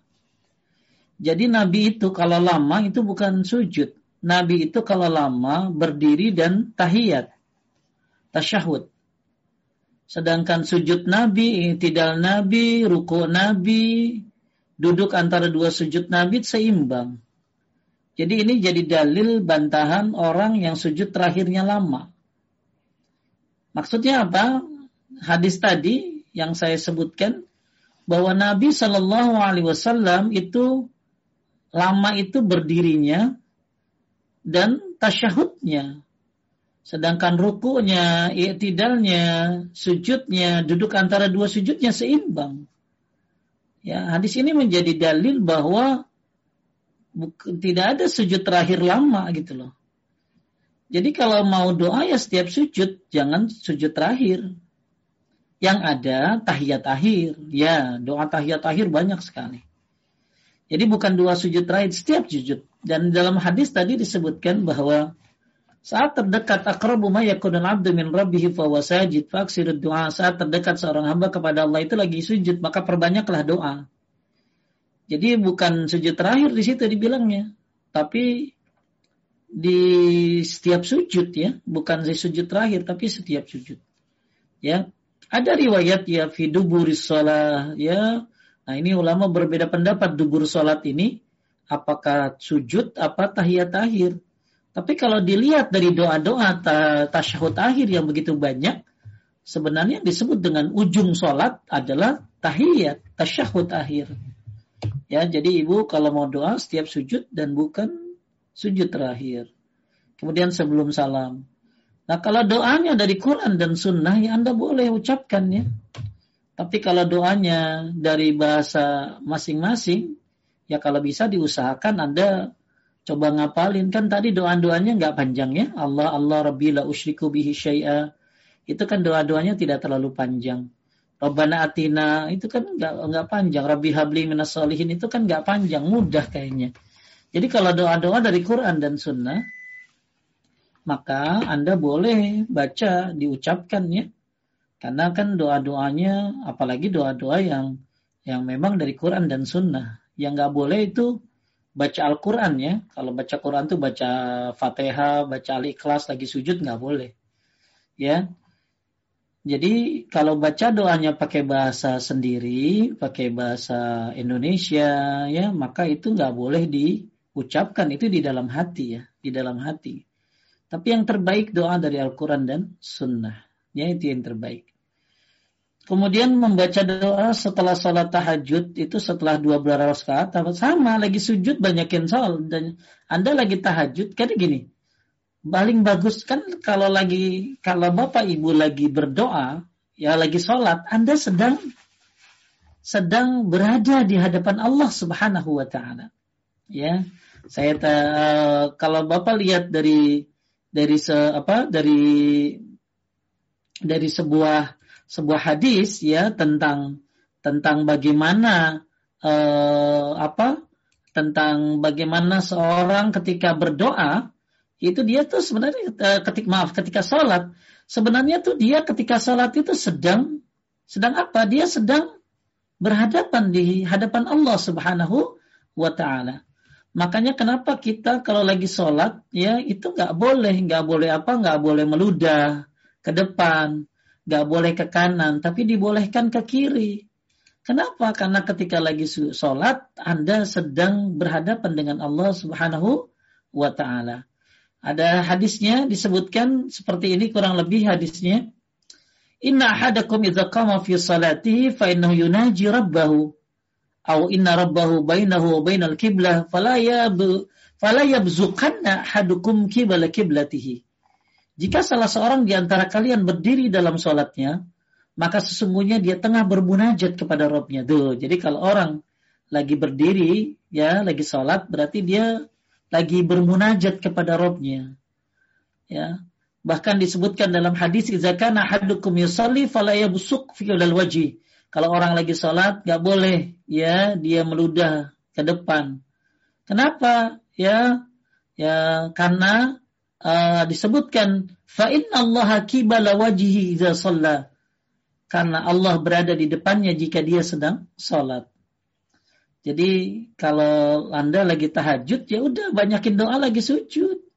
Karena ada sedang berada di hadapan Allah Subhanahu wa taala sebelum salam. Jadi ibu setiap sujud tahajud tuh doa. Ya sebelum salam doa. Ya itu saya lebih senang begitu.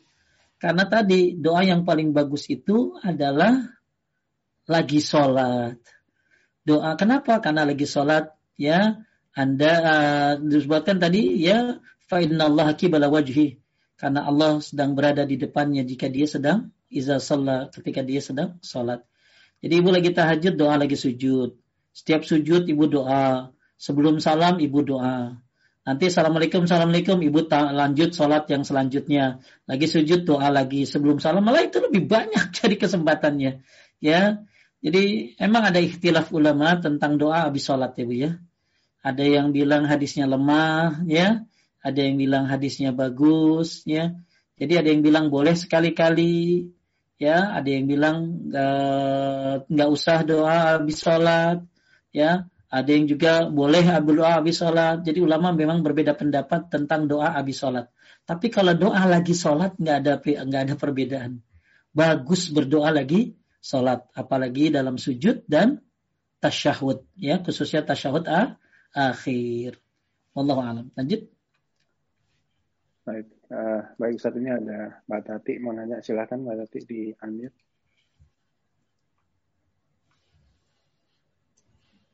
Bismillah. Ya. Assalamualaikum. Assalamualaikum warahmatullahi wabarakatuh. Ustaz, kalau kita dapat musibah, kita doa, sudah doa, musibah itu continue and continue. Terus. Nah, ini peringatan dari Allah atau cobaan dari Allah atau siksaan dari Allah. Terus kalau itu salah satunya, bagaimana kita harus menghadapinya? Ini ini setiap hari, setiap hidup kita akan mengalami begini. Jadi kalau, kalau ini bisa saya mengerti dan melaksanakan, insya Allah banyak masalah bisa bisa di, eh, dibereskan. Jazakumullah khair. Iya. Syekh Salim bin Aid Hilali pernah ditanya apa bedanya ujian, apa bedanya musibah, apa bedanya uh, karunia, ya apa bedanya. Maka beliau bilang begini, Bedanya bagaimana menyikapinya. Bedanya bagaimana menyi menyikapinya. Ketika kita dapat musibah, kemudian uh, kita menyikapi bahwa oh ini adalah ujian, ini gara-gara dosa, maka ini musibah akan jadi rahmat buat dia. Tapi ketika dia dapat anugerah rizki yang banyak, kemudian dia sikapi dengan foya-foya, malah jauh dari Allah, maka ini bukan karunia, ini menjadi musibah, ini istidraj namanya. Jadi bagaimana kita menyikapinya? Kalau kita sikapi, oh, ya, dan nggak boleh kita berburuk sangka kepada Allah. Tugas kita itu hanya berdoa. Hak jawab itu mutlak milik Allah. Kita tuh tugasnya cuma minta. Dan niatkan dalam meminta itu mendekatkan diri. Maka ada beberapa hal ketika kita berdoa. Satu, Anda akan dijawab doanya oleh Allah. Bisa sekarang, bisa tahun depan. Ya. Bahkan maaf ya Bu, saya sendiri banyak doa-doa yang ternyata jatuhnya kepada anak ya. Hmm. Ya, ya ternyata Masya Allah, ya anak saya bisa hafiz Quran 30 juz ya, pernah hafiz 30 juz. Kemudian yang Alhamdulillah yang kedua juga sudah 16 juz ya yang ternyata dulu kita tidak sempat melakukannya ternyata anak yang Allah berikan kemuliaannya. Kemudian juga yang kedua Allah ganti dengan yang lebih baik. Ya dan salah satu cara pengganti doa adalah dengan dihindari dari musibah. Makin banyak Anda berdoa makin banyak musibah yang hilang. Cuma yang ada di otak kita semua doa itu kudu dijawab, kudu dijawab dan harus sesuai dengan permintaan kita. Padahal bisa jadi permintaanmu diganti dengan apa yang Allah kandaki yaitu dihindari dirimu dari musibah. Mungkin kalau kamu tidak berdoa, ya kamu sudah terjadi kecelakaan ini, musibah ini. Ini tidak di tidak disadari oleh manusia bahwa ini adalah bagian daripada jawaban doa. Ya, jawaban doa. Jadi jawaban doa itu bisa Allah berikan langsung, bisa nanti atau bisa nanti jatuh kepada anak-anak kita atau ya Allah ganti dengan yang lebih baik atau Allah hindari Anda dari musibah-musibah. Yang semua ini butuh kesabaran dalam menghadapinya. Ketika kita tidak sabar, akhirnya Anda malas berdoa. Ah, inilah salah satu cara setan menjauhkan manusia dari doa. Maka ketika anggap-anggap doa kita tidak dijawab anggap ya, ya hmm. kan nggak boleh. Kita harus yakin. Anggap doa kita tidak dijawab, maka Anda sudah melakukan ibadah. Anda sudah melakukan yang mulia. Ya, Anda sudah didekati oleh Allah. Bahkan Anda dicintai Allah.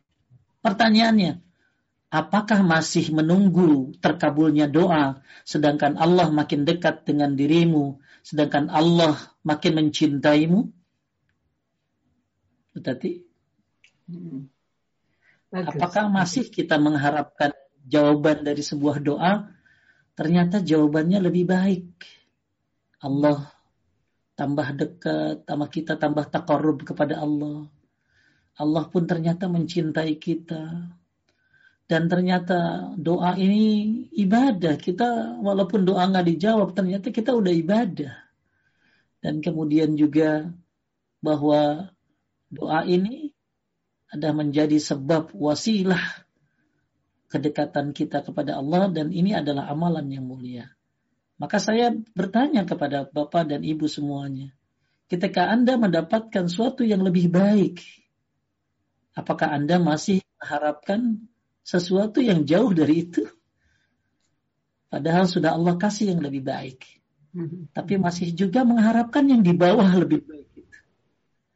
Masih mengharapkan yang ini, yang itu. Padahal Allah sudah kasih yang lebih baik. Andai. Kita berbicara kalau, maaf. ya Kalau. Hanya berbicara kebalikan. Cuma kita kadang-kadang tidak sadar bahwa doa ini mendekatkan diri kepada Allah.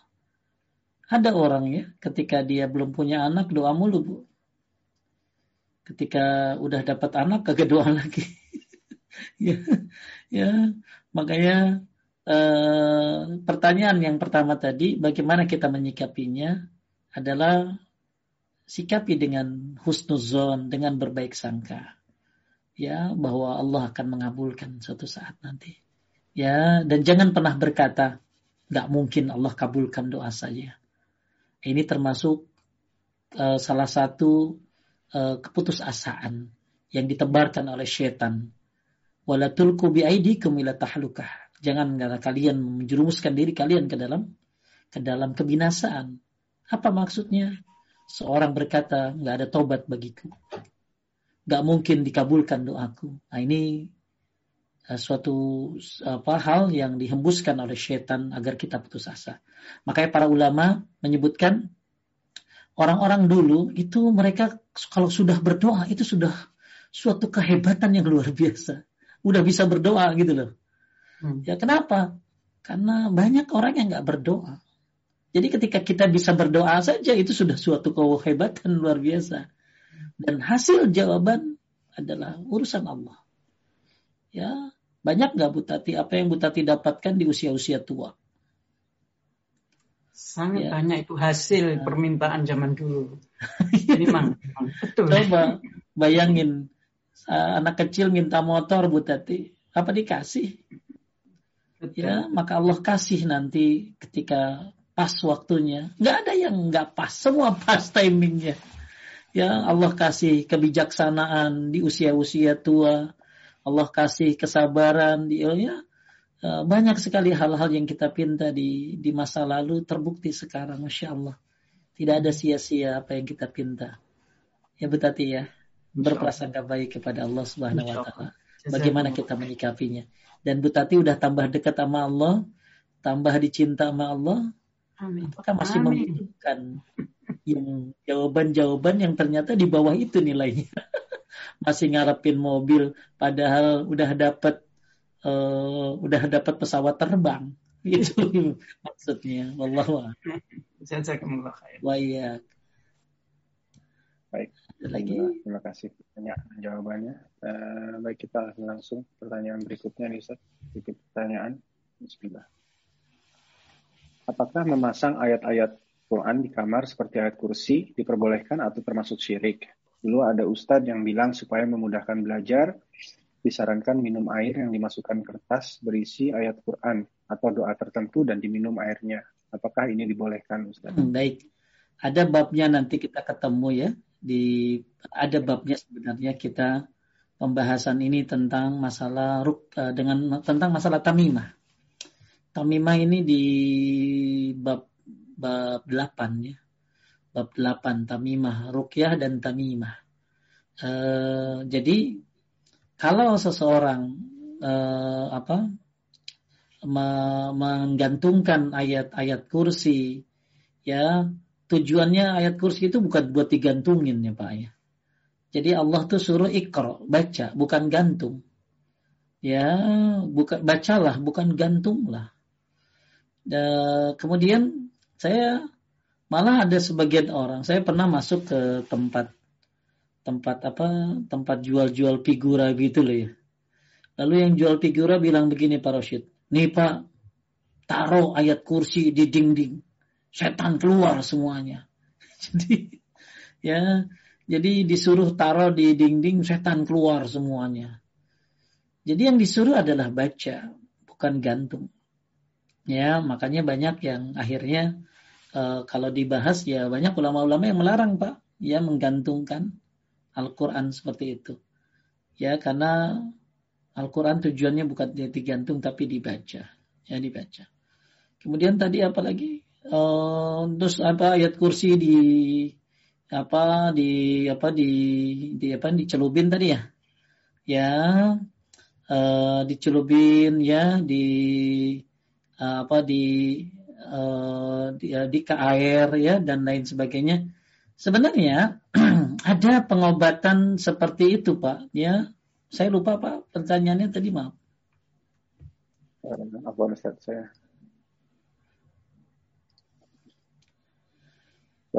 Lewat. Ya, ya.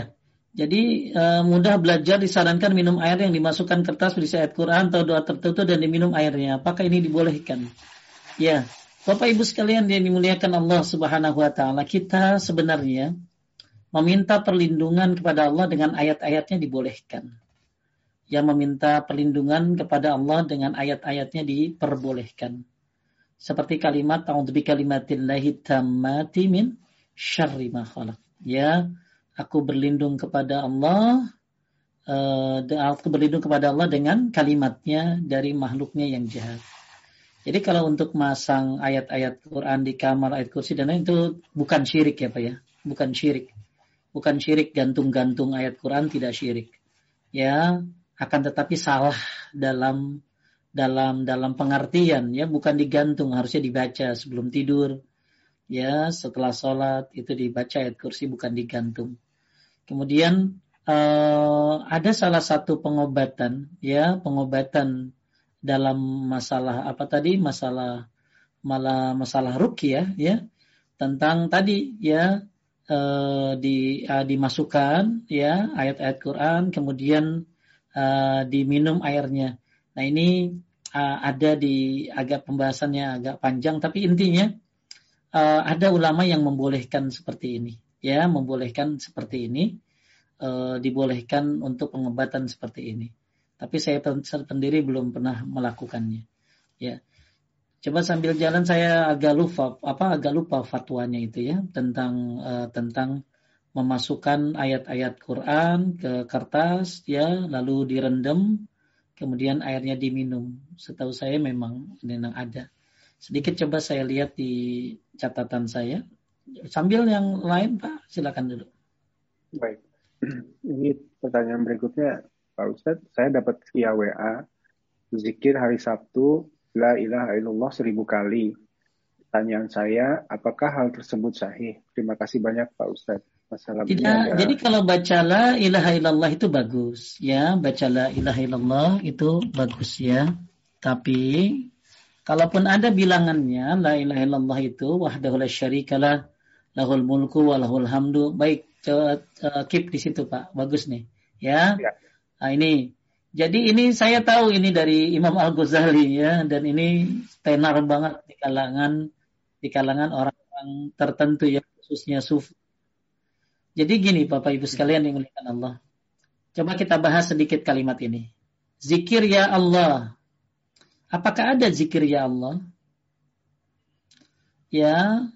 Jadi yang ada itu zikir itu ada kelanjutannya Pak Rashid. Alhamdulillah, la ilaha illallah, subhanallah. Ya. Jadi tidak ada zikir setahu saya zikir ya Allah, ya Allah, ya Allah sekian ribu kali. Ya. Tidak ada zikir hari Jumat baca ya Allah. Yang ada hari Jumat baca salawat. Nah ini yang sahih. Yang ada hari Jumat baca salawat. Itu yang sahih. Baca Al-Kahfi. Itu yang sahih. Ya banyak sedekah. Itu yang sahih. Tidak ada zikir ya Allah. Dan Imam Al-Ghazali ini Bapak Ibu. Dia di akhir hayatnya. Dia belajar Bukhari. Tapi keburu meninggal. Makanya di kitabnya beliau Ihya Ulumuddin uh, Syekh Al-Iraqi menyebutkan ada 900-an riwayat-riwayat yang tidak sahih dalam kitabnya. Jadi di dalam kitab beliau, saya dulu belajar kitab beliau namanya Ihya Ulumuddin. Ternyata di kitab beliau kata dia kemudian diseleksi kitab beliau diteliti dan kata Syekh Al-Iraqi kurang lebih ada 900-an hadis-hadis yang bermasalah dalam kitab beliau. Makanya beliau tuh sebelum meninggal belajar Bukhari, tapi keburu meninggal. Katanya ya, kalau beliau hidup dan sempat mempelajari Bukhari, bisa jadi ahli hadis. Ya, tapi kadar Allah keburu meninggal. Jadi tidak ada jikir ya Allah, apalagi ditentukan harinya hari Jumat. Ini butuh dalil nih. Agama ini butuh dalil, butuh hujah.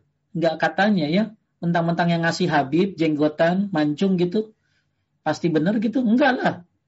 Ya, agama ini uh, dalil ya mana dalilnya kemudian la ilaha bagus cuma tidak ada la ilallah dibaca hari Sabtu ya silakan anda baca la ilallah habis salat subhanallah 25 alhamdulillah 25 Allah akbar 25 la ilallah 25 itu sunnah tuh buatkan oleh muslim. Atau baca la ilallah ada syarika la mulku lamdu yuhyi wa yumiitu qadir. Setiap habis subuh habis maghrib 10 kali. Ya anda baca la ilallah sebanyak-banyaknya silakan. Ya tiap hari juga apa-apa. Tapi kalau ditentukan hari Sabtu ini nggak benar, nggak ada dalilnya. Ya jadi uh, ini namanya bid'ah idofi, bid'ah tambahan. Baca la ilaha illallah kan bagus, tapi kemudian dibilang baca hari Sabtu ya, ah, ini jadi bid'ah tambahan gitu loh. Tadinya asalnya ada. Baca la ilaha illallah itu sunnah. Ya bahkan uh, baca la ilaha illallah ini termasuk daripada afdalul uh, afdalul hasanat kebaikan yang keba, kebaikan yang bagus yang ba, yang utama Eh, tapi kalau ditentukan hari Sabtu, ah, ini jadi jadi bid'ah tambahan ini. Jadi silakan baca sebanyak-banyaknya kapan saja. Ya Hayu ya Qayyum. Silakan baca, ya, silakan baca akan tetapi tidak bukan hari hari hari Ahad ya, tapi baca pagi sore Hayu Qayyum rahmatika astagis. La haula wala quwata illa billahil aliyil azim hari Senin. Ini juga nggak ada dalilnya. Tapi kalau Anda baca la ilaha la haula wala quwata illa billahil azim ini bagus ini pembendaharaan surga kanzun min kunuzil jannah. Di antara pembahandaraan surga itu kalimat la haula wala quwata illa billah. Apalagi kalimat la haula wala quwata illa billah digabung dengan la ilaha illallah wallahu akbar wala haula wala quwata illa billah. Itu menghapuskan dosa-dosa masa lalu. Tapi kalau dibacanya hari Senin nggak ada dalilnya. Hari Selasa ya baca salawat. Justru terbalik hari Sabtu hari Jumat yang baca bukan Selasa. Hari Rabu astagfirullahalazim istighfar mah kapan aja nggak usah nungguin hari Rabu. Pelit amat baca istighfar hari Rabu ya. Tiap hari baca istighfar. Banyak dosa pakai milih-milih hari kemudian subhanallahilazim bihamdi ini dibaca setiap pagi sore ya 100 kali bukan hari Kamis ya nah ini termasuk uh, bid'ah idofi bid'ah yang tadinya sunnah akhirnya jadi bid'ah karena ada tambahan gitu loh. Ya, ya termasuk yang tadi baca seribu kali, la ilallah seribu kali. Nggak ada ketentuannya, ya, nggak ada ketentuannya kecuali yang sudah ditentukan seperti yang tadi habis sholat subhanallah 25, alhamdulillah, Allah akbar 25, la ilallah 25. Ya Allah ada syarik al mulkal syai'in qadir 100 kali. Ya, la ilallah ya Muhammad wa kulli syai'in qadir apa tadi?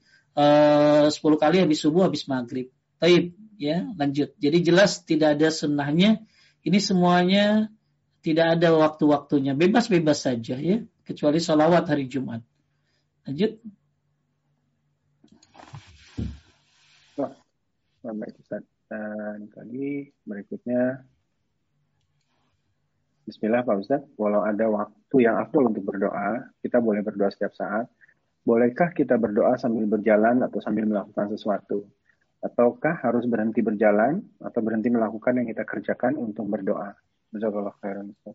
Baik, sebenarnya ada adab-adab berdoa. Adab-adab berdoa itu kan mengangkat tangan. Dia bisa nggak pada sambil jalan ngangkat tangan? jalan angkat tangan kan nggak bisa ya. Tapi sebenarnya gini, doa itu kan ada dua ya Pak. Ada dua Pak. Doa yang bersifat permintaan, doa yang bersifat ibadah.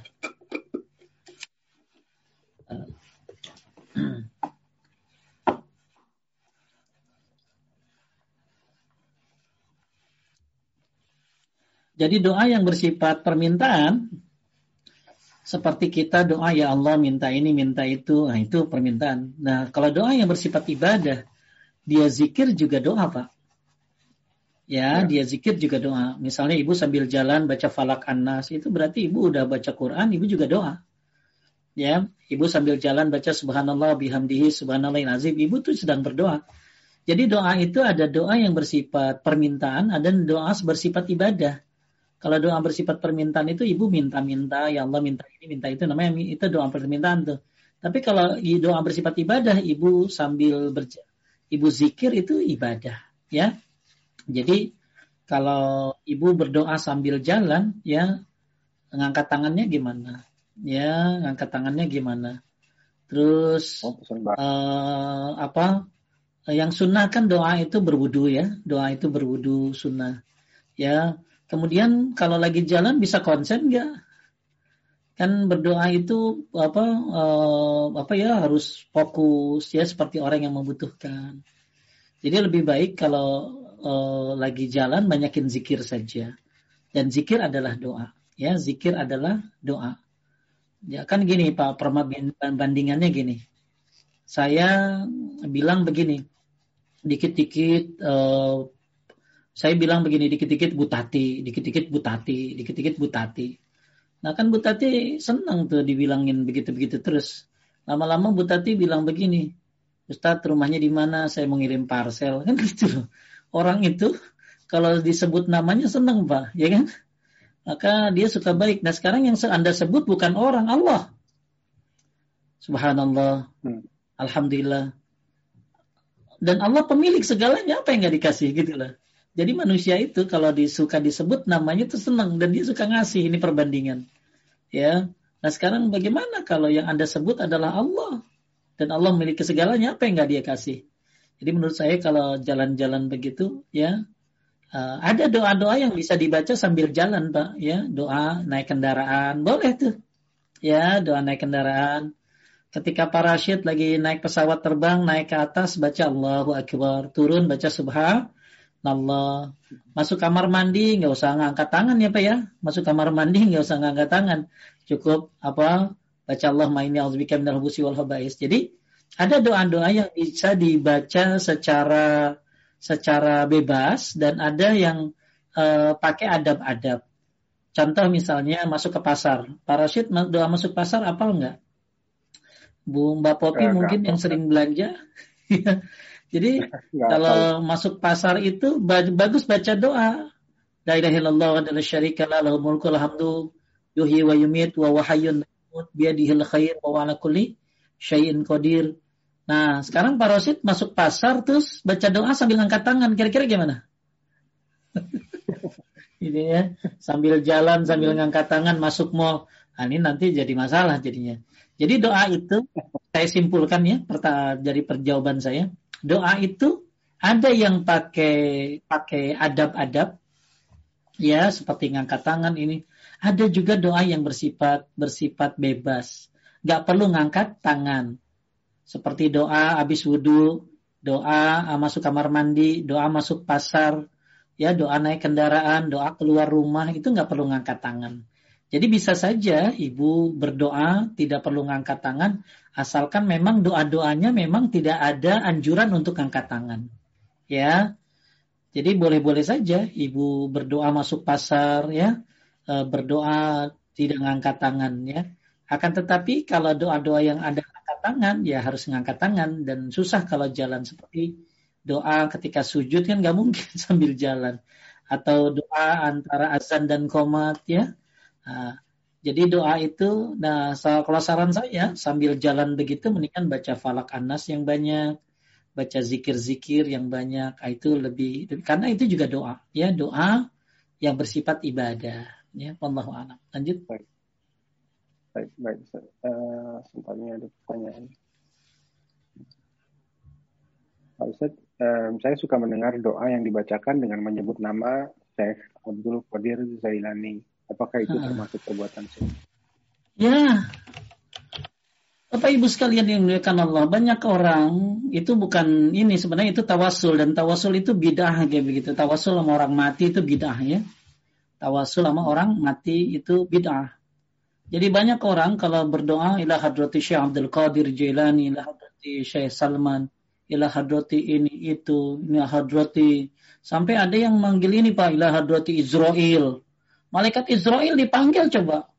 Kalau datang gimana lu? Ya, ini gue cabut nyawanya gitu loh. Jadi berdoa menyebut-nyebut nama-nama orang-orang. Jadi ketika Anda berdoa, itu Anda cukup baca satu memuji Allah, kedua baca salawat, ya. Kemudian kalau Anda mau bertawasul, tawasullah dengan asmaul husna, ya Rahman, ya Rahim, ya sayangi aku, kasihi aku, ya Razak, mudahkan rizkiku. Itu tawasul dengan asmaul husna. Kemudian tawasul dengan amal soleh. Ya Allah dengan sedekahku. Jauhkanlah aku dari neraka. Itu tawasul dengan amal soleh. Atau tawasul dengan orang soleh yang masih hidup. Anda punya orang tua lalu bilang, mah doain ya. Biar mudah urusan saya, diampuni dosa-dosa saya. Itu tawasul sama orang soleh yang masih hidup.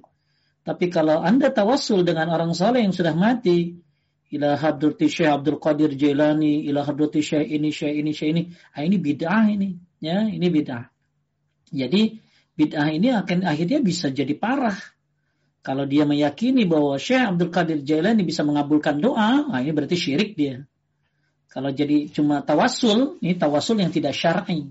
Ini bid'ah. Lanjut. Baik. Berikutnya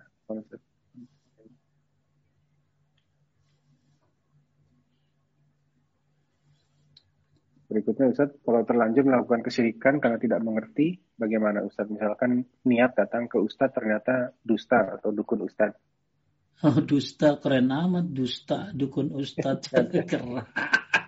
ya, ini usduk. baru nih Ustaz. Usduk, Ustaz dukun ya. Oh, dia dibalik dusta. Kamu dusta ya? Apa? Ustaz dukun. ya, kalau Anda nggak tahu, jadi makanya kalau Anda mau bertanya tentang masalah-masalah sama orang yang jelas, jangan sama yang nggak jelas ya. Bertanya-bertanya apalagi tentang masalah agama, tanya sama yang jelas. Um, yang Anda ketahui akidahnya, tauhidnya.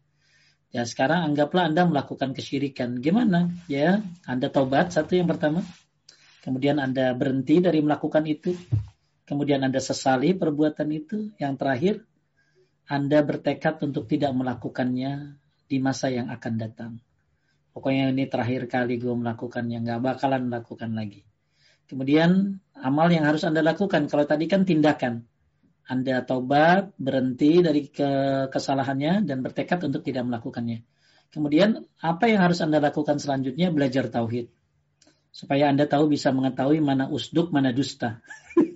mana ustadz dukun, mana dukun ustadznya, supaya Anda bisa mengetahui mana yang syirik, mana yang tauhid, mana yang sunnah, mana yang bid'ah. Maka Anda belajar tauhid, Anda belajar sunnah. Ya, itu kafaratnya tuh. Karena kebodohan kan. Awal daripada kesyirikan ini kebodohan. Maka obat dari kebodohan adalah il ilmu. Semoga yang pernah syirik jangan pernah putus asa, bertobat kepada Allah dan belajar tauhid dan justru tauhid ini akan menghapuskan dosa-dosa Anda. Sebagaimana hadis, Ya Ibn Adam, law ataitani bi kurabil ardi khataya, summa dakitani la tusyrik bi syai'a, la taituka bi kurabiha magfirah. Wahai anak Adam, Anda engkau uh, uh, datang kepadaku dengan dosa sepenuh bumi, tapi tidak ada sekutu bagiku, tidak menyekutukanku, maka aku ampuni kamu dengan ampunan sepenuh bumi pula. Tauhid menyebabkan Anda diampuni dosa-dosa Anda. Ya, jadi Bapak belajar tauhid karena dengan tauhid ini hilang dosa-dosamu insya Allah. Lanjut. Uh, Assalamualaikum warahmatullahi wabarakatuh Bapak. Bila kita lagi sedih, selalu kirim doa kepada leluhur, tapi bukan minta kepada leluhur. Biasanya selesai sholat kirim doa kepada leluhur. Bila lagi sedih, kirim doa kepada leluhur, saya tambah Itu Jadi bagaimana Ustaz? Kalau lagi sedih, do, kenapa doain luhur ya? ya, kalau doain luhur tuh, kalau doain luhur tuh bagus. Cuman kalau lagi gundah gulana bukan doain geluhur. Tadi doa yang saya ajarin tuh bagus tuh. Anda kalau lagi sedih, ya, kalau lagi sedih, baca la ilaha illa anta subhanaka inni kuntu minaz zalimin. Allah Allah Rabbi la usyriku bihi syai'a. Atau tadi ya, La ilaha illallah azimul halim, la ilaha rabbul arsyil azim, la ilaha rabbus samawati wa rabbul ardi wa rabbul arsyil karim. Itu doanya, bukan kalau doain leluhur boleh aja ya. Uh, ya, Anda bisa baca surat Ibrahim ayat 41 Rabbana gfirli wali walidayya walil mu'minin yaumukma yakumul hisab ya. Ya terus leluhur anda nih muslim apa enggak kan gitu. Ya, ya. Jadi kalau leluhurnya bukan muslim nggak boleh didoain ya. Tapi kalau leluhurnya muslim boleh didoain. Jadi gini mendoakan mendoakan kakek nenek uyut boleh ya. Ya Allah ampunilah dosa kakekku uyutku buyutku apalagi teh kang kalau ke atas teh namanya. Ya uh, habis kakek apa? Udah kehilangan ini apa ya? Yang buyut. Buyut habis buyut bubuyutan merenya bubuyutan ya. Yeah. jadi uh, ya Allah ampunilah orang tuaku kakekku nenekku buyutku bubuyutanku ya. Bubuyut bubuyut bubuyutanku. Dan terus ke atas. Ya nggak apa-apa. Kalau mau doain nggak apa-apa. Tapi paling gampang doanya begini aja Pak. Allahumma lil mu'minina wal mu'minat wal muslimina wal muslimat al ahya'i minhum wal amwat atau Rabbana gfirli wali walidayya walil mu'minin. Itu Ibrahim 41. Tapi kalau Anda lagi susah doain leluhur, nah ini salah. Anda justru kalau lagi susah ya mendoakan diri Anda sendiri, ngapain doain leluhur gitu ya. Nah, baca doanya tadi la ilaha illa anta subhanaka inni kuntu minaz zalimin ya atau Allah Allah rabbi la usyriku bihi syai'a atau lagi susah baca Quran ya. Nah, itu ya. Jadi tempatnya tidak tepat. Kalau mendoakan boleh, tapi kalau kalau lagi susah doain mereka, Anda nggak doain diri sendiri gitu Nah, justru diri sendiri lagi susah. Kalau buyut-buyutmu nggak tahu keadaannya. Mereka mungkin ada yang seneng ya di akhirat, wallahu alam. Yang penting doakan diri sendiri. Lanjut. Uh, Bismillah Ustaz, saat pagi kita zikir pagi, saat akhir pagi sudah mulai, bolehkah dengan bolehkah dengar dan catat? Saat pagi kita zikir pagi, saat taklim pagi sudah mulai, bolehkah dengar dan catat? Apa ya Pak? Oh, mungkin pada saat berzikir ada taklim jadi terputus zikirnya Ustaz. Oh, jadi, ya, ya, ya, ya. Zikir habis, jadi gini. Kalau kalau disuruh milih, saya lebih milih menuntut ilmu ya. Karena menuntut ilmu ini kan wajib. Ya, dan lebih baik setelah yang fardu itu ya adalah uh, menuntut ilmu. Laisal amal badal faridah afdal min talabil ilmi. Amal yang yang paling bagus dilakukan setelah yang wajib adalah menuntut ilmu ya. Terus kemudian kalau jikir pagi ya paling bagus ya habis subuh sampai terbit matahari. Nah kalau anda nggak bisa ya lakukan di luar itu pokoknya sebelum tengah hari udah beres jikir sore dari habis asar sampai maghrib kemudian kalau Anda mau lakukan di waktu yang lain sampai tengah malam boleh. Ya, nggak apa-apa. Cuma kalau bingung antara pijakir pagi, pagi dan talim, ya talim aja dulu. Ya, nanti zikirnya di waktu Anda yang kapan bisanya. Ya. Atau kalau dari YouTube, kalau dari YouTube ya kan bisa talimnya nanti zikir pagi sore dulu aja.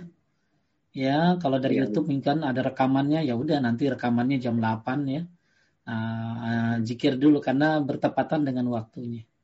Lanjut. Baik. Berikutnya saya pernah dapat doa Allahumma rabba jibril wa mikail wa israfil wa israfil wa israfil wa muhammadin nabi sallallahu alaihi wasallam wa bika minan nar. Apakah ini bid'ah Ustaz? Yang saya tahu Allah merubah Jibril Mikail Israfil Fatir as-samawati wal ar alimul ghaibi wasyahadah anta tahkum baina ibadik Fi Makanu fi yakhtalifun ihdini lima Akhtarifa fihi min al-haqqi bi iznik innaka tahdi man tasha ila suratil mustaqim. Itu doa iftitah Pak, lagi salat sunnah mutlak sebelum tahajud. Tapi kalau Allah merubah Jibril Mikail wa Israfil ya wa Muhammad, ya, ya, ya Allah, Rob ya Jibril, Rob ya Mikail, Rob ya Israfil, Rob ya Muhammad sallallahu alaihi wasallam, A'udzubika minan nar. Kalau di doanya sih nggak ada kesyirikan. Karena minta kepada Robnya Jibril. Ya Robnya Jibril siapa ya Allah? Robnya Mikail, Israfil dan Nabi Muhammad kan Allah. Enggak, enggak, enggak syirik. Cuman apakah ini sunnah? Nah ini yang nggak tahu. Saya nggak tahu karena yang saya tahu doa uh, yang itu tadi yang saya baca itu doa iftitah. Uh, ada doa yang lain ya tapi nggak seperti ini. Wallahu a'lam. Uh, Afwan Ustaz ini udah 14.22 masih ada beberapa ada tiga pertanyaan di luar di luar topik. Lanjut Gimana, lanjut Pak. Masih lama saya Pak. Ya. Masih lama jam 10. Ya lanjut. Baik. Ini ada ada dua pertanyaan tapi satu satu tipe satu topik. Nanya pertama, Barakallahu fikum Ustaz. Alhamdulillah, sejak belajar sunnah, saya sudah tidak merayakan ulang tahun dan menghindari dalam bentuk apa pun tentang ulang tahun. Tetapi apabila ada keluarga dan teman mengucapkan Barakallahu fi umrik, milad, dan mendoakan, bagaimana saya bersikap dan menjawabnya? Jazakallah khairan. Itu yang pertama. Pertanyaan kedua, Assalamualaikum Ustaz. Mendoakan atau memberi ucapan selamat hari lahir atau punya anak, wisuda, naik jabatan, dan lain sebagainya. Apa boleh kita memberi ucapan berupa doa yang kita ucapkan secara langsung? Baik, ya, ya di, di layarnya ini aja apa ada keluarga ya. mengucapkan barokallahu fi umrik. ini uh, ulang tahun di Islami Islamiin kata-katanya. Barokallahu fi umrik. Apalagi tuh? Uh, apa mat milad ya lah ya mat milad ya cin ya dan lain sebagainya ya ini ini nggak ada jadi apa nggak ada ucapan-ucapan kayak gitu yang ada barokallahu fi gini pak Kata Syekh bin Saleh Saimin, kalau orang mendoakan orang lain, misalnya saya bilang begini sama Pak Rashid, Pak Rashid, semoga panjang umur ya. Nah, ini masih tanda tanya. Yang bagus kata beliau, Pak Rashid semoga panjang umur dalam ketaatan.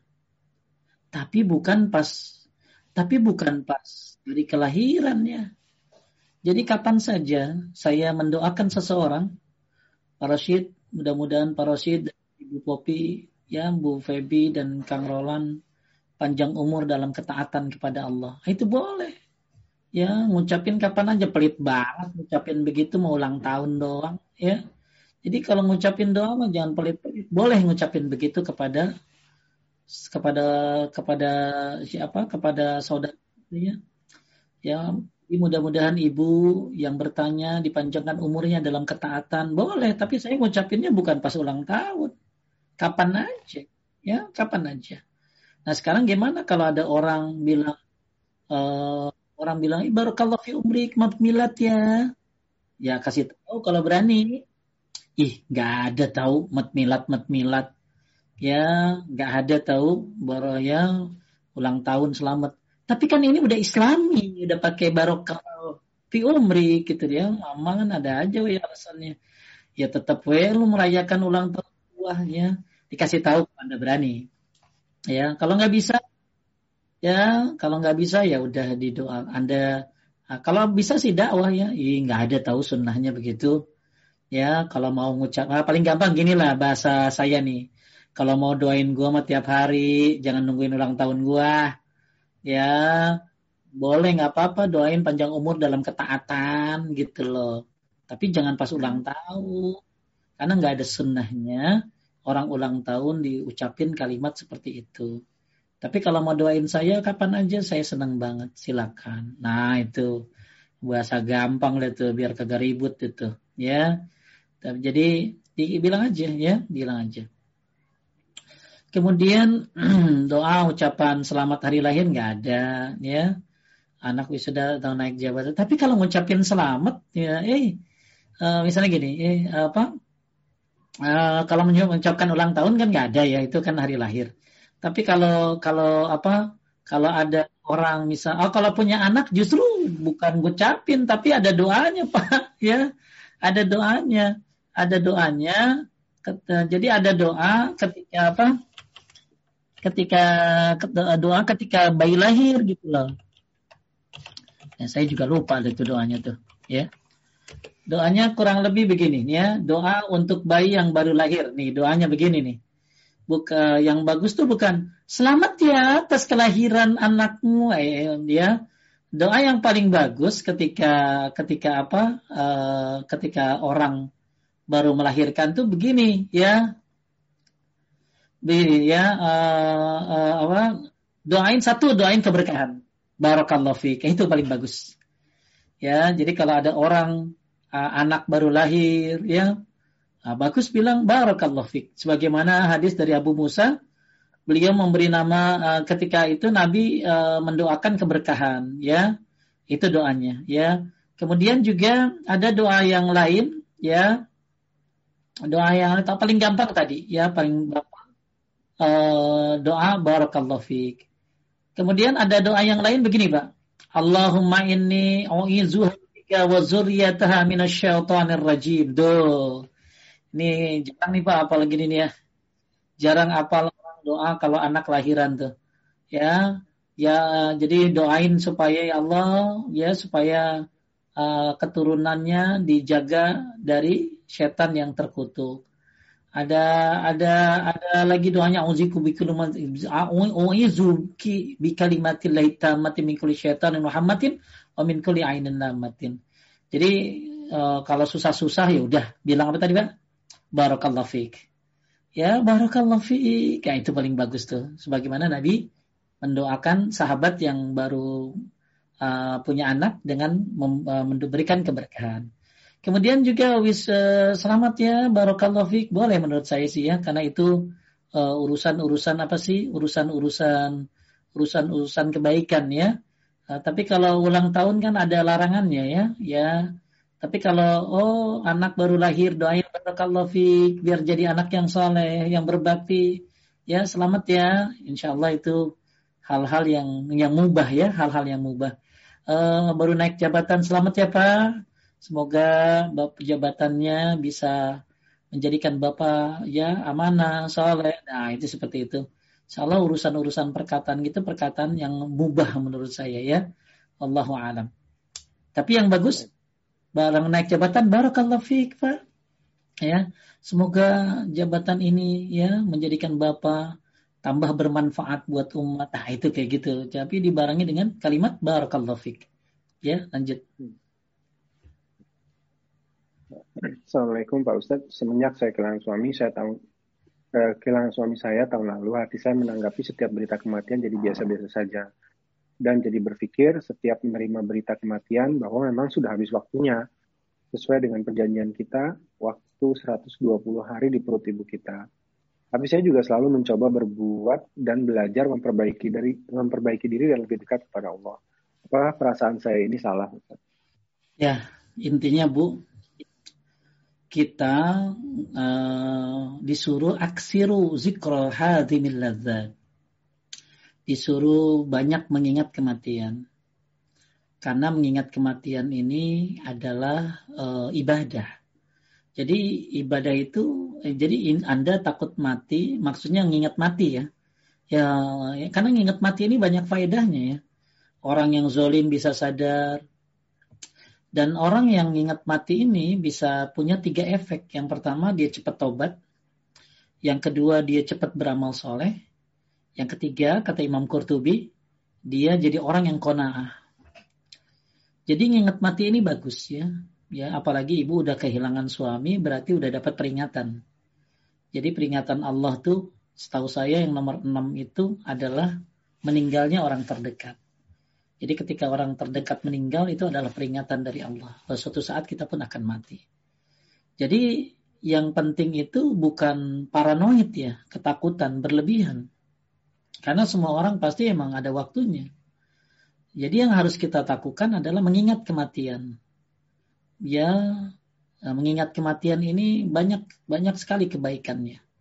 Ya, cepat tobat, cepat beramal, kemudian dia jadi orang yang kona'ah dan sebaliknya orang yang tidak mengingat kematian, maka dia akan lambat taubat, lambat ibadah, kemudian jadi tidak menerima kehidupannya. Bahkan Nabi menyebutkan orang yang akias, Pak. Orang yang cerdas.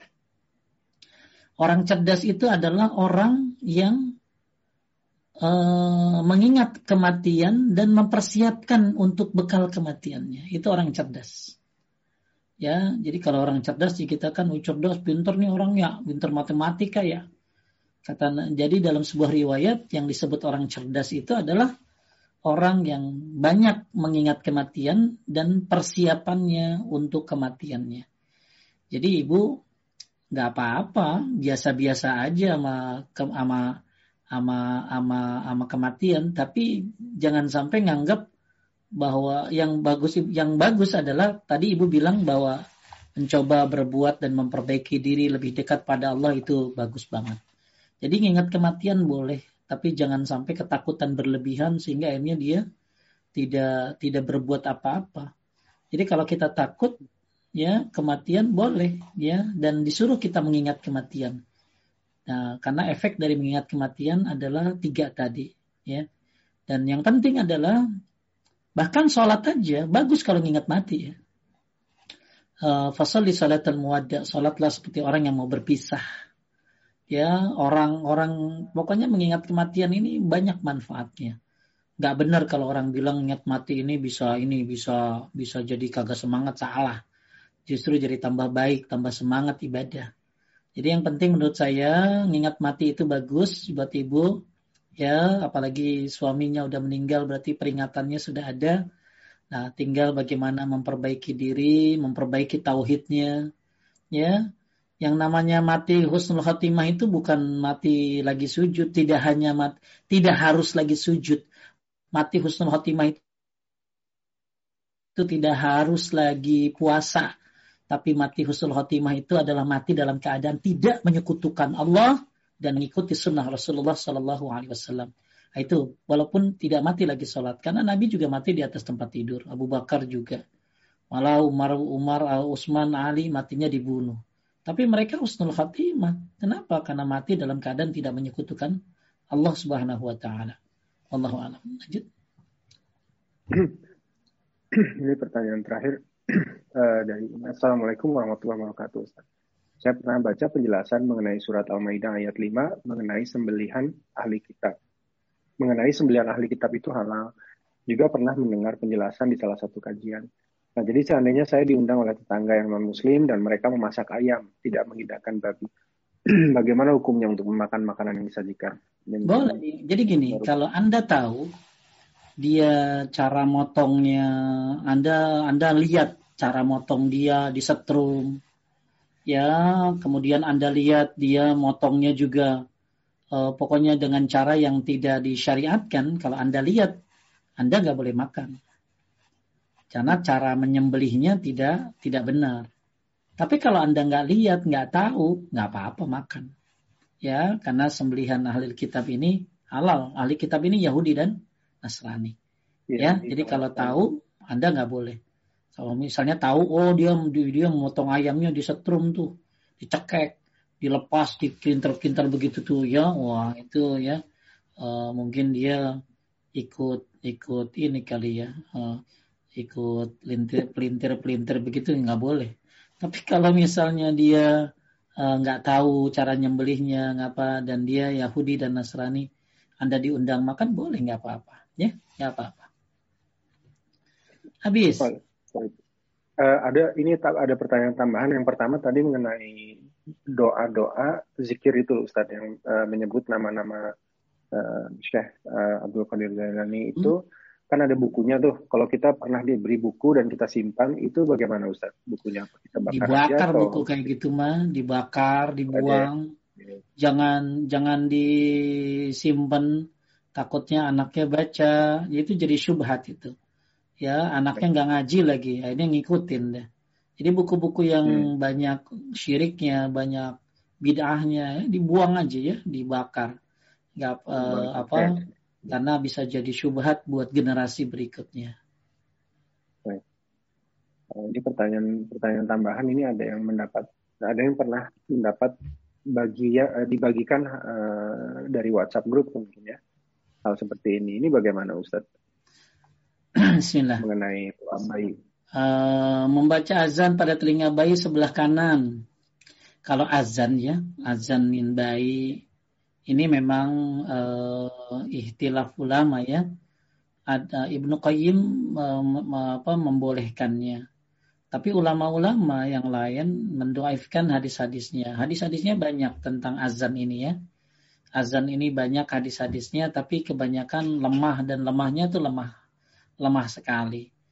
Jadi uh, ini masih ranah ihtilaf ulama ya tentang azan kanan kiri ya. Ini perbedaan pendapat. Jadi kalau Ibnu Qayyim memang termasuk setahu saya yang membolehkannya. Tapi kalau ulama-ulama yang lain ya eh, ini menganggap riwayatnya lemah ya.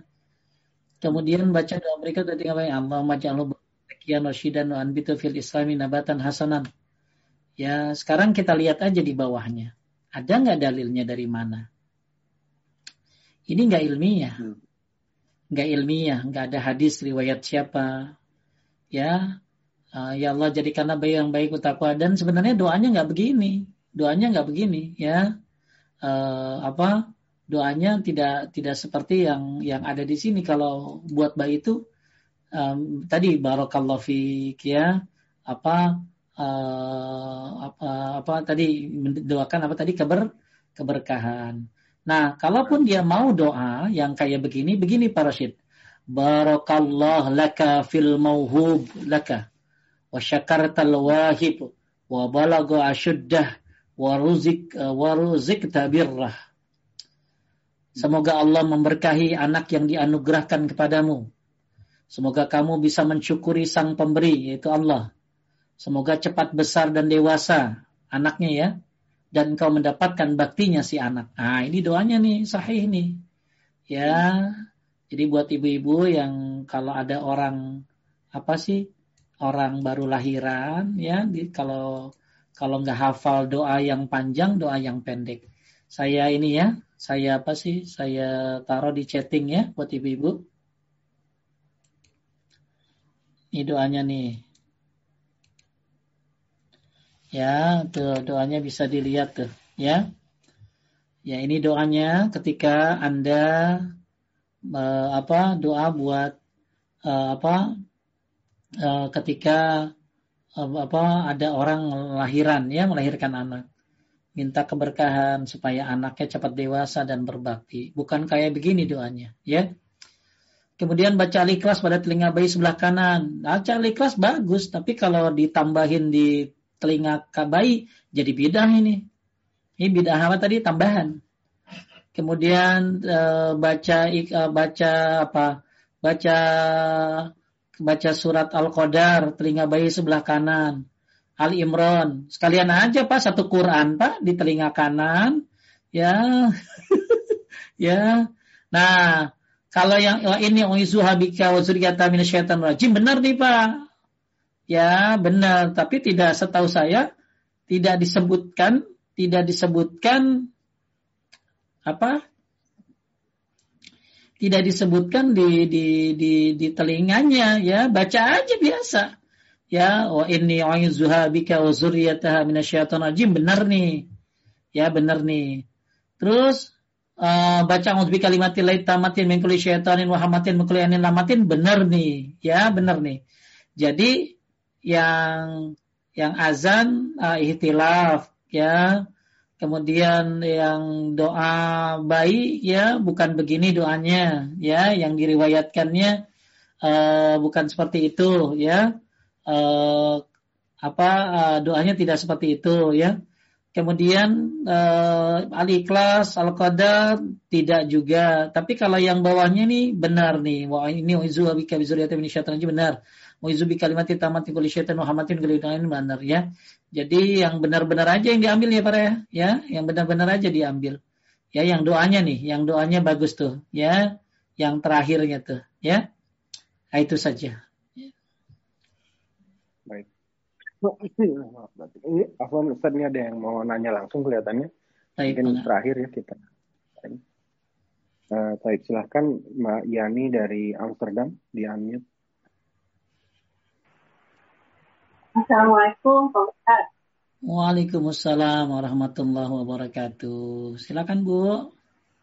Terima kasih, Uh, ini apa hukumnya apa tuh? Kadang saya suka melihat program di televisi ya orang-orang seperti ini uh, apa sih tukang surat dinamo gitu itu kupikir ini orang apa kerja sama sama setan kali ya gitu karena kan apa yang ketiga mungkin nanya gitu. Jadi kadang saya tuh suka penasaran gitu. Jadi hukumnya itu gimana kalau kita lihat program kayak begitu? Sulap ya bu? Iya dinamo program. itu dinamo orang Inggris kalau nggak salah. Oh nggak tahu sih saya apa tapi gini sulap itu ya kan ada yang pakai pakai teknologi ya. Ada yang memang memakai bantuan-bantuan uh, apa bantuan-bantuan jin ya. Tapi kedua-duanya memang tidak tidak tidak ini ya tidak tidak boleh ya setahu saya. Karena itu uh, kayak pengelabuan seperti itu ya. Nah apalagi yang pakai jin ya yang pakai jin. Kalau yang pakai jin ini ya lebih berbahaya lagi dia bisa pakai syarat-syarat ya bisa ada persembahan-persembahan. Maka ini bisa jatuh kepada kesyirikan ya. Dan apa uh, tidak perlu kita kita bekerja sama dengan dengan mereka. Terus, terus kemudian yang ya kita juga bagus untuk mempergunakan waktu dengan sebaik-baiknya. Karena melihat acara seperti itu kan satu bisa jadi syubhat. Ya, jadi kita ragu-ragu, remang-remang.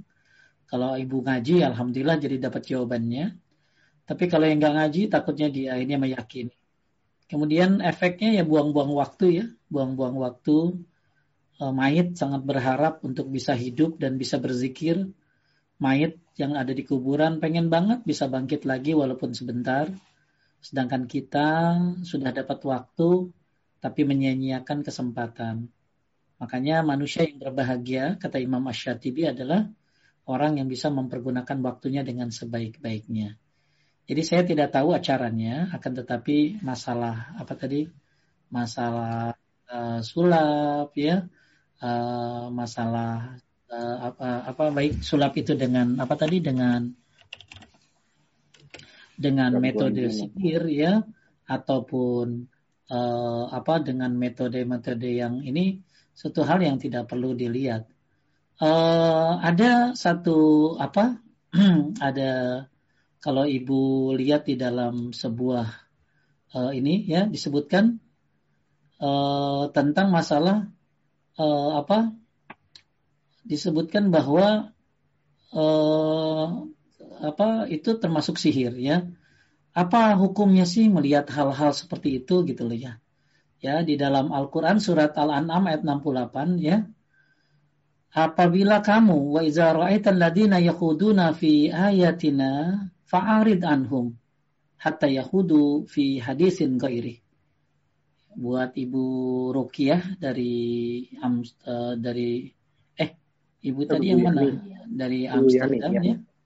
Dan apabila kamu melihat orang yang prolog-ologkan ayat-ayat kami, maka tinggalkanlah mereka sehingga mereka mengalihkan pada pembicaraan yang lain. Dan jika setan menjadikan kamu lupa, maka janganlah kamu duduk bersama orang-orang yang zalim itu sudah teringat akan larangan itu. Ya, nah ini apa hukum bagaimana melihat atraksi semacam itu. Jadi di, tidak boleh melihat atraksi seperti itu. Kenapa? Kalau itu sihir ya jadi berbahaya tuh. Ya, karena itu metode sihir. Kalaupun ternyata teknologi ya pengelabuan. Kemudian ada lagi di surat An-Nisa ayat 140 ya. Uh, Allah menurunkan dalam Al-Quran bahwa apabila kamu mendengar ayat-ayat telah diingkari dan perolok Allah, maka janganlah kamu duduk bersama mereka sehingga mereka masuki pembicaraan yang lain. Jadi Al-An'am 68, An-Nisa 40 uh, menjadikan dalil bahwa lebih baik kita tidak melihat acara-acara seperti seperti itu ya. Nah, ini Eh, lebih bagusnya ibu lihat di apa di dalam ayat-ayat ini ya, ya ayat-ayat ini uh, untuk tidak uh, apa kalau ada hal-hal yang bersifat sihir apa ya jangan ditonton. Ya ini dua ayat ini dijadikan dalil untuk masalah ini. Selesai Pak Rasid? Uh, selesai ini ada yang angkat tangan, tapi gimana Ustaz? Saya terserah, terserah Ustaz. Ya boleh satu aja ya. Coba saya satu singkat aja, boleh. jawab. Terakhir Ibu Ibu Rukiah silakan. Dari Lampung ya. Singkat aja.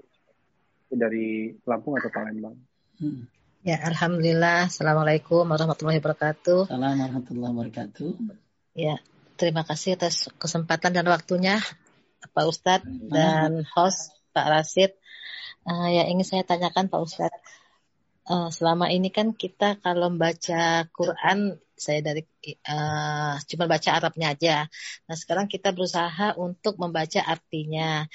Yang ingin saya tanyakan Pak Ustadz, apakah kita harus membaca tafsir juga atau uh, cuman pas baca langsung baca artinya di Quran itu itu Baik. karena uh, saya pernah baca di Quran surat 3 ayat 7 ya. Ada ayat yang memang bisa dimengerti dan ada yang tidak dimengerti. Apa sih Baik. kalau salah mutasyabihat, mutasyabihat sama apa nih? Sebutnya, ya. Mutasyabihat dengan muhkamat ya Pak ya. ya. Nah, ya. Nah, itu satu, yang... dua pertanyaan Pak Ustadz ya. Satu lagi, kalau kita punya kayak uh, insting apa naluri ini apa namanya teringat sesuatu, tapi sepertinya uh, apa sih kayak kayak perasaan gitu Pak Ustadz. Itu gimana menyikapinya ya? Karena saya takut ini apa setan atau apa gitu. Apa juga istighfar. Gitu Pak Ustadz. Karena feeling gitu nah Pak Ustadz. Ya, ya. Baik Ibu. Ya, baik terima saya kasih. Allah Oh iya. Jadi gini Ibu baca Quran bagus banget ya. Baca Quran itu pahalanya banyak. Tapi masalahnya ya apakah kita sudah pengen lebih lagi, maka pahami Quran. Pahami Quran. Jadi ada ada baca Quran, ada baca orang ada baca Quran terus terjemah. Terus ada lagi dia baca tafsir. Ya, baca tafsir. Ini bedain ya antara tafsir sama tafsir sama terjemah ya. Kalau terjemah itu arti, kalau tafsir itu uh, dia pembahasan ya, pembahasan ayatnya tuh karena apa, dan Allah Subhanahu wa taala berfirman, "Afala yatadabbarun al-Qur'an am 'ala qulubin aqfaluha?" Kenapa kamu tidak tadabur Al-Qur'an? Apakah pada apakah hatimu terkunci? Ya, jadi ayat ini menyebutkan bahwa kenapa kamu nggak tadabur? Ya, tadabur ini memahami Quran, ya mengetahui turunnya, mengetahui maknanya. Ya, jadi tafsir maksudnya ya. Nah ini apakah hati kamu terkunci? Coba. Makanya ini dalil supaya kita belajar tafsir. Maka di dalam tafsir Ibnu Katsir ayat ini ditaruh sebagai pembukaan bahwa kenapa kamu nggak baca tafsir, nggak nggak tadabur Quran? Apa hati kamu dikunci gitu loh?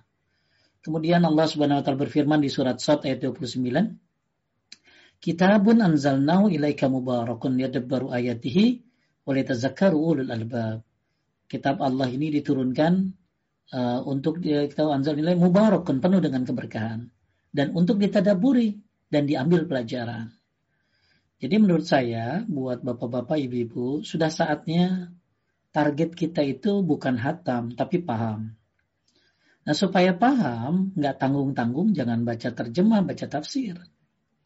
Kalau terjemah itu masih kadang-kadang bedain ya, kadang-kadang suka beda terjemah itu sama maksudnya. Karena mungkin terjemah ini hanya kan gini bahasa Arab itu kan e, bahasa yang luar biasa ya. Sehingga kadang-kadang ada terjemah yang pas, ada yang tidak pas gitu lah. Makanya saya lebih senang kalau bacanya itu tafsir. Makanya kita bagi-bagi waktu ya kita baca Quran satu ain misalnya bapak-bapak ibu-ibu ya yang punya waktu baca Quran satu ain sehari. Nah sisanya berapa ayat baca tafsir? Ya coba beli deh tafsir Quranul tafsir Ibnu Kasir bagus. Penerbit dari Ibnu Kasir itu bagus banget. Singkat ya singkat padat. Tafsir Ibnu Kasir tapi kalau anda mau tafsir yang juz 28, 29, 30 dan dan menurut saya bagus ya merangkum dari berbagai kitab tafsir itu tafsir Ustadz Firanda bagusnya. Ustadz Firanda itu bikin tafsir ya tafsir juz amma 28, 29, 30. Itu saya baca bagus sekali ya, bagus sekali. E, mengambil dari sana sini ya, kemudian beliau juga menambah-nambah dalam arti kata tambahan-tambahan ilmu yang tentang masalah-masalah dalam yang sedang dibahas. Bagus kalau ibu punya. Nah, kalau mau punya 30 juz tafsir Ibnu Kasir, penerbit dari Ibnu Kasir bagus. Jadi ibu bagi-bagi waktunya kapan baca tafsir karena tafsir ini memahami ya. Memahami terus kemudian ibu bisa tahu ini ayatnya ayat muhkam atau mutasyabihat ya. Oh, ini ayat-ayatnya nanti diterangkan. Jadi saya lebih suka baca Quran ya, tapi baca tafsir juga. Maka kata Ibnu Hubairah, manusia itu akan dijauhkan dari tafsir. Karena kalau manusia tahu tafsir Quran, dia akan tahu kebenaran. Maka setan berusaha menjauhkan manusia belajar tafsir. Menjauhkan manusia dari baca tafsir Quran. Karena kalau dia tahu tafsir Quran, maka dia akan tahu kebenaran. Maka mudah-mudahan ibu-ibu bisa punya kebiasaan yang baru untuk baca tafsir. Ya. Kemudian masalah firasat ya, firasat ini ya ya kadang manusia terbawa dengan perasaan ya, perasaan. Maka kalau memang yang kita lihat, misalnya kita lihat orangnya memang bawa golok, betato, kemudian e, mata merah, menghadapi, ya maka itu ibu punya firasat nih orang jelek ya, wah boleh nggak apa-apa ya. Karena memang kelihatan secara zohirnya dia seperti itu. Maksudnya orang ini bakal berbuat jahat. Tapi kalau firasat yang nggak jelas, firasat-firasat suuzon. Nah ini nggak boleh, ya. Uh, apa kita apa nggak boleh kita uh, uh, kita disuruh untuk menghindari prasangka inna ba'dadzanni ismun karena prasangka ini termasuk dosa. Jadi prasangka-prasangka nas. Cuman kalau firasat-firasat ini bisa saja karena ketakutan berlebihan, ya bisa saja dari setan, maka hendaknya kita istikharah. Istikharah ya untuk melakukan suatu pekerjaan-pekerjaan. Jadi istikharah itu bukan hanya untuk milih jodoh ya.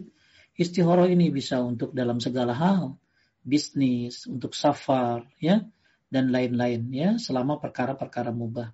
Atau ibu begitu ada firasat yang gak bagus sholat dua rakaat, minta petunjuk kepada Allah Subhanahu wa taala. Kalau nggak mau sholat, ibu baca falak dan anas sambil minta perlindungan kepada Allah ya takutnya firasat ini dari setan. Ya Bu ya, semoga bermanfaat apa yang saya sampaikan insya Allah. Alhamdulillah Ustaz habis Ustaz. Habis Ustaz. Uh, ya. Habis sudah pertanyaan Ustaz. Alhamdulillah. Uh, mudah-mudahan bermanfaat apa yang kita bahas pada hari ini. Dan jangan lupa banyakin doa ya. Doa itu mendekatkan diri kepada Allah, dicintai Allah, dan doa adalah ibadah, amalan yang mulia dan hendaklah kita semuanya uh, yakin ya tadi ya kata Huzaifah manusia yang selamat adalah yang banyak berdoa seperti doanya orang tenggelam ketika zaman fitnah.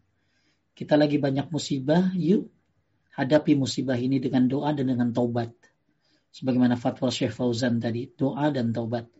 Dan doa-doa tadi yang sudah saya share ke part, ke chatting tolong dibaca, diamalkan, kita kompakin semua yang ada di Majlis Ta'lim Paduka ini untuk berdoa dengan doa-doa yang diajarkan oleh Rasulullah ketika dalam keadaan sulit.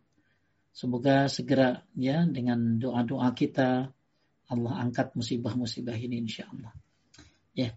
Baik Pak Rashid, kita tutup dengan doa kifaratul majlis. Subhanaka Allahumma wa bihamdika asyhadu an la ilaha illa anta astaghfiruka wa atubu ilaik. Assalamualaikum warahmatullahi wabarakatuh. Waalaikumsalam warahmatullahi wabarakatuh. Alhamdulillah sudah kajian kali ini. Insya Allah kita akan sambung kembali di kajian berikutnya. Um, terima kasih banyak Ustaz Jazakallah khair. Um, iya. dan ininya. Mohon maaf jika ada kekurangan kesalahan dari kami. Uh, insya Allah kita akan perbaiki di kajian berikutnya. Uh, untuk tadi doa-doa yang dibagikan, insya Allah kita akan share di WhatsApp grup info kajian paduka ya. Uh, silahkan join di chat atau di Telegram. Baik, sekali lagi saya mohon maaf jika ada kekurangan kesalahan. Barakallahu fikum. Wabillahi taufik wa hidayah. Wassalamualaikum warahmatullahi wabarakatuh. Waalaikumsalam.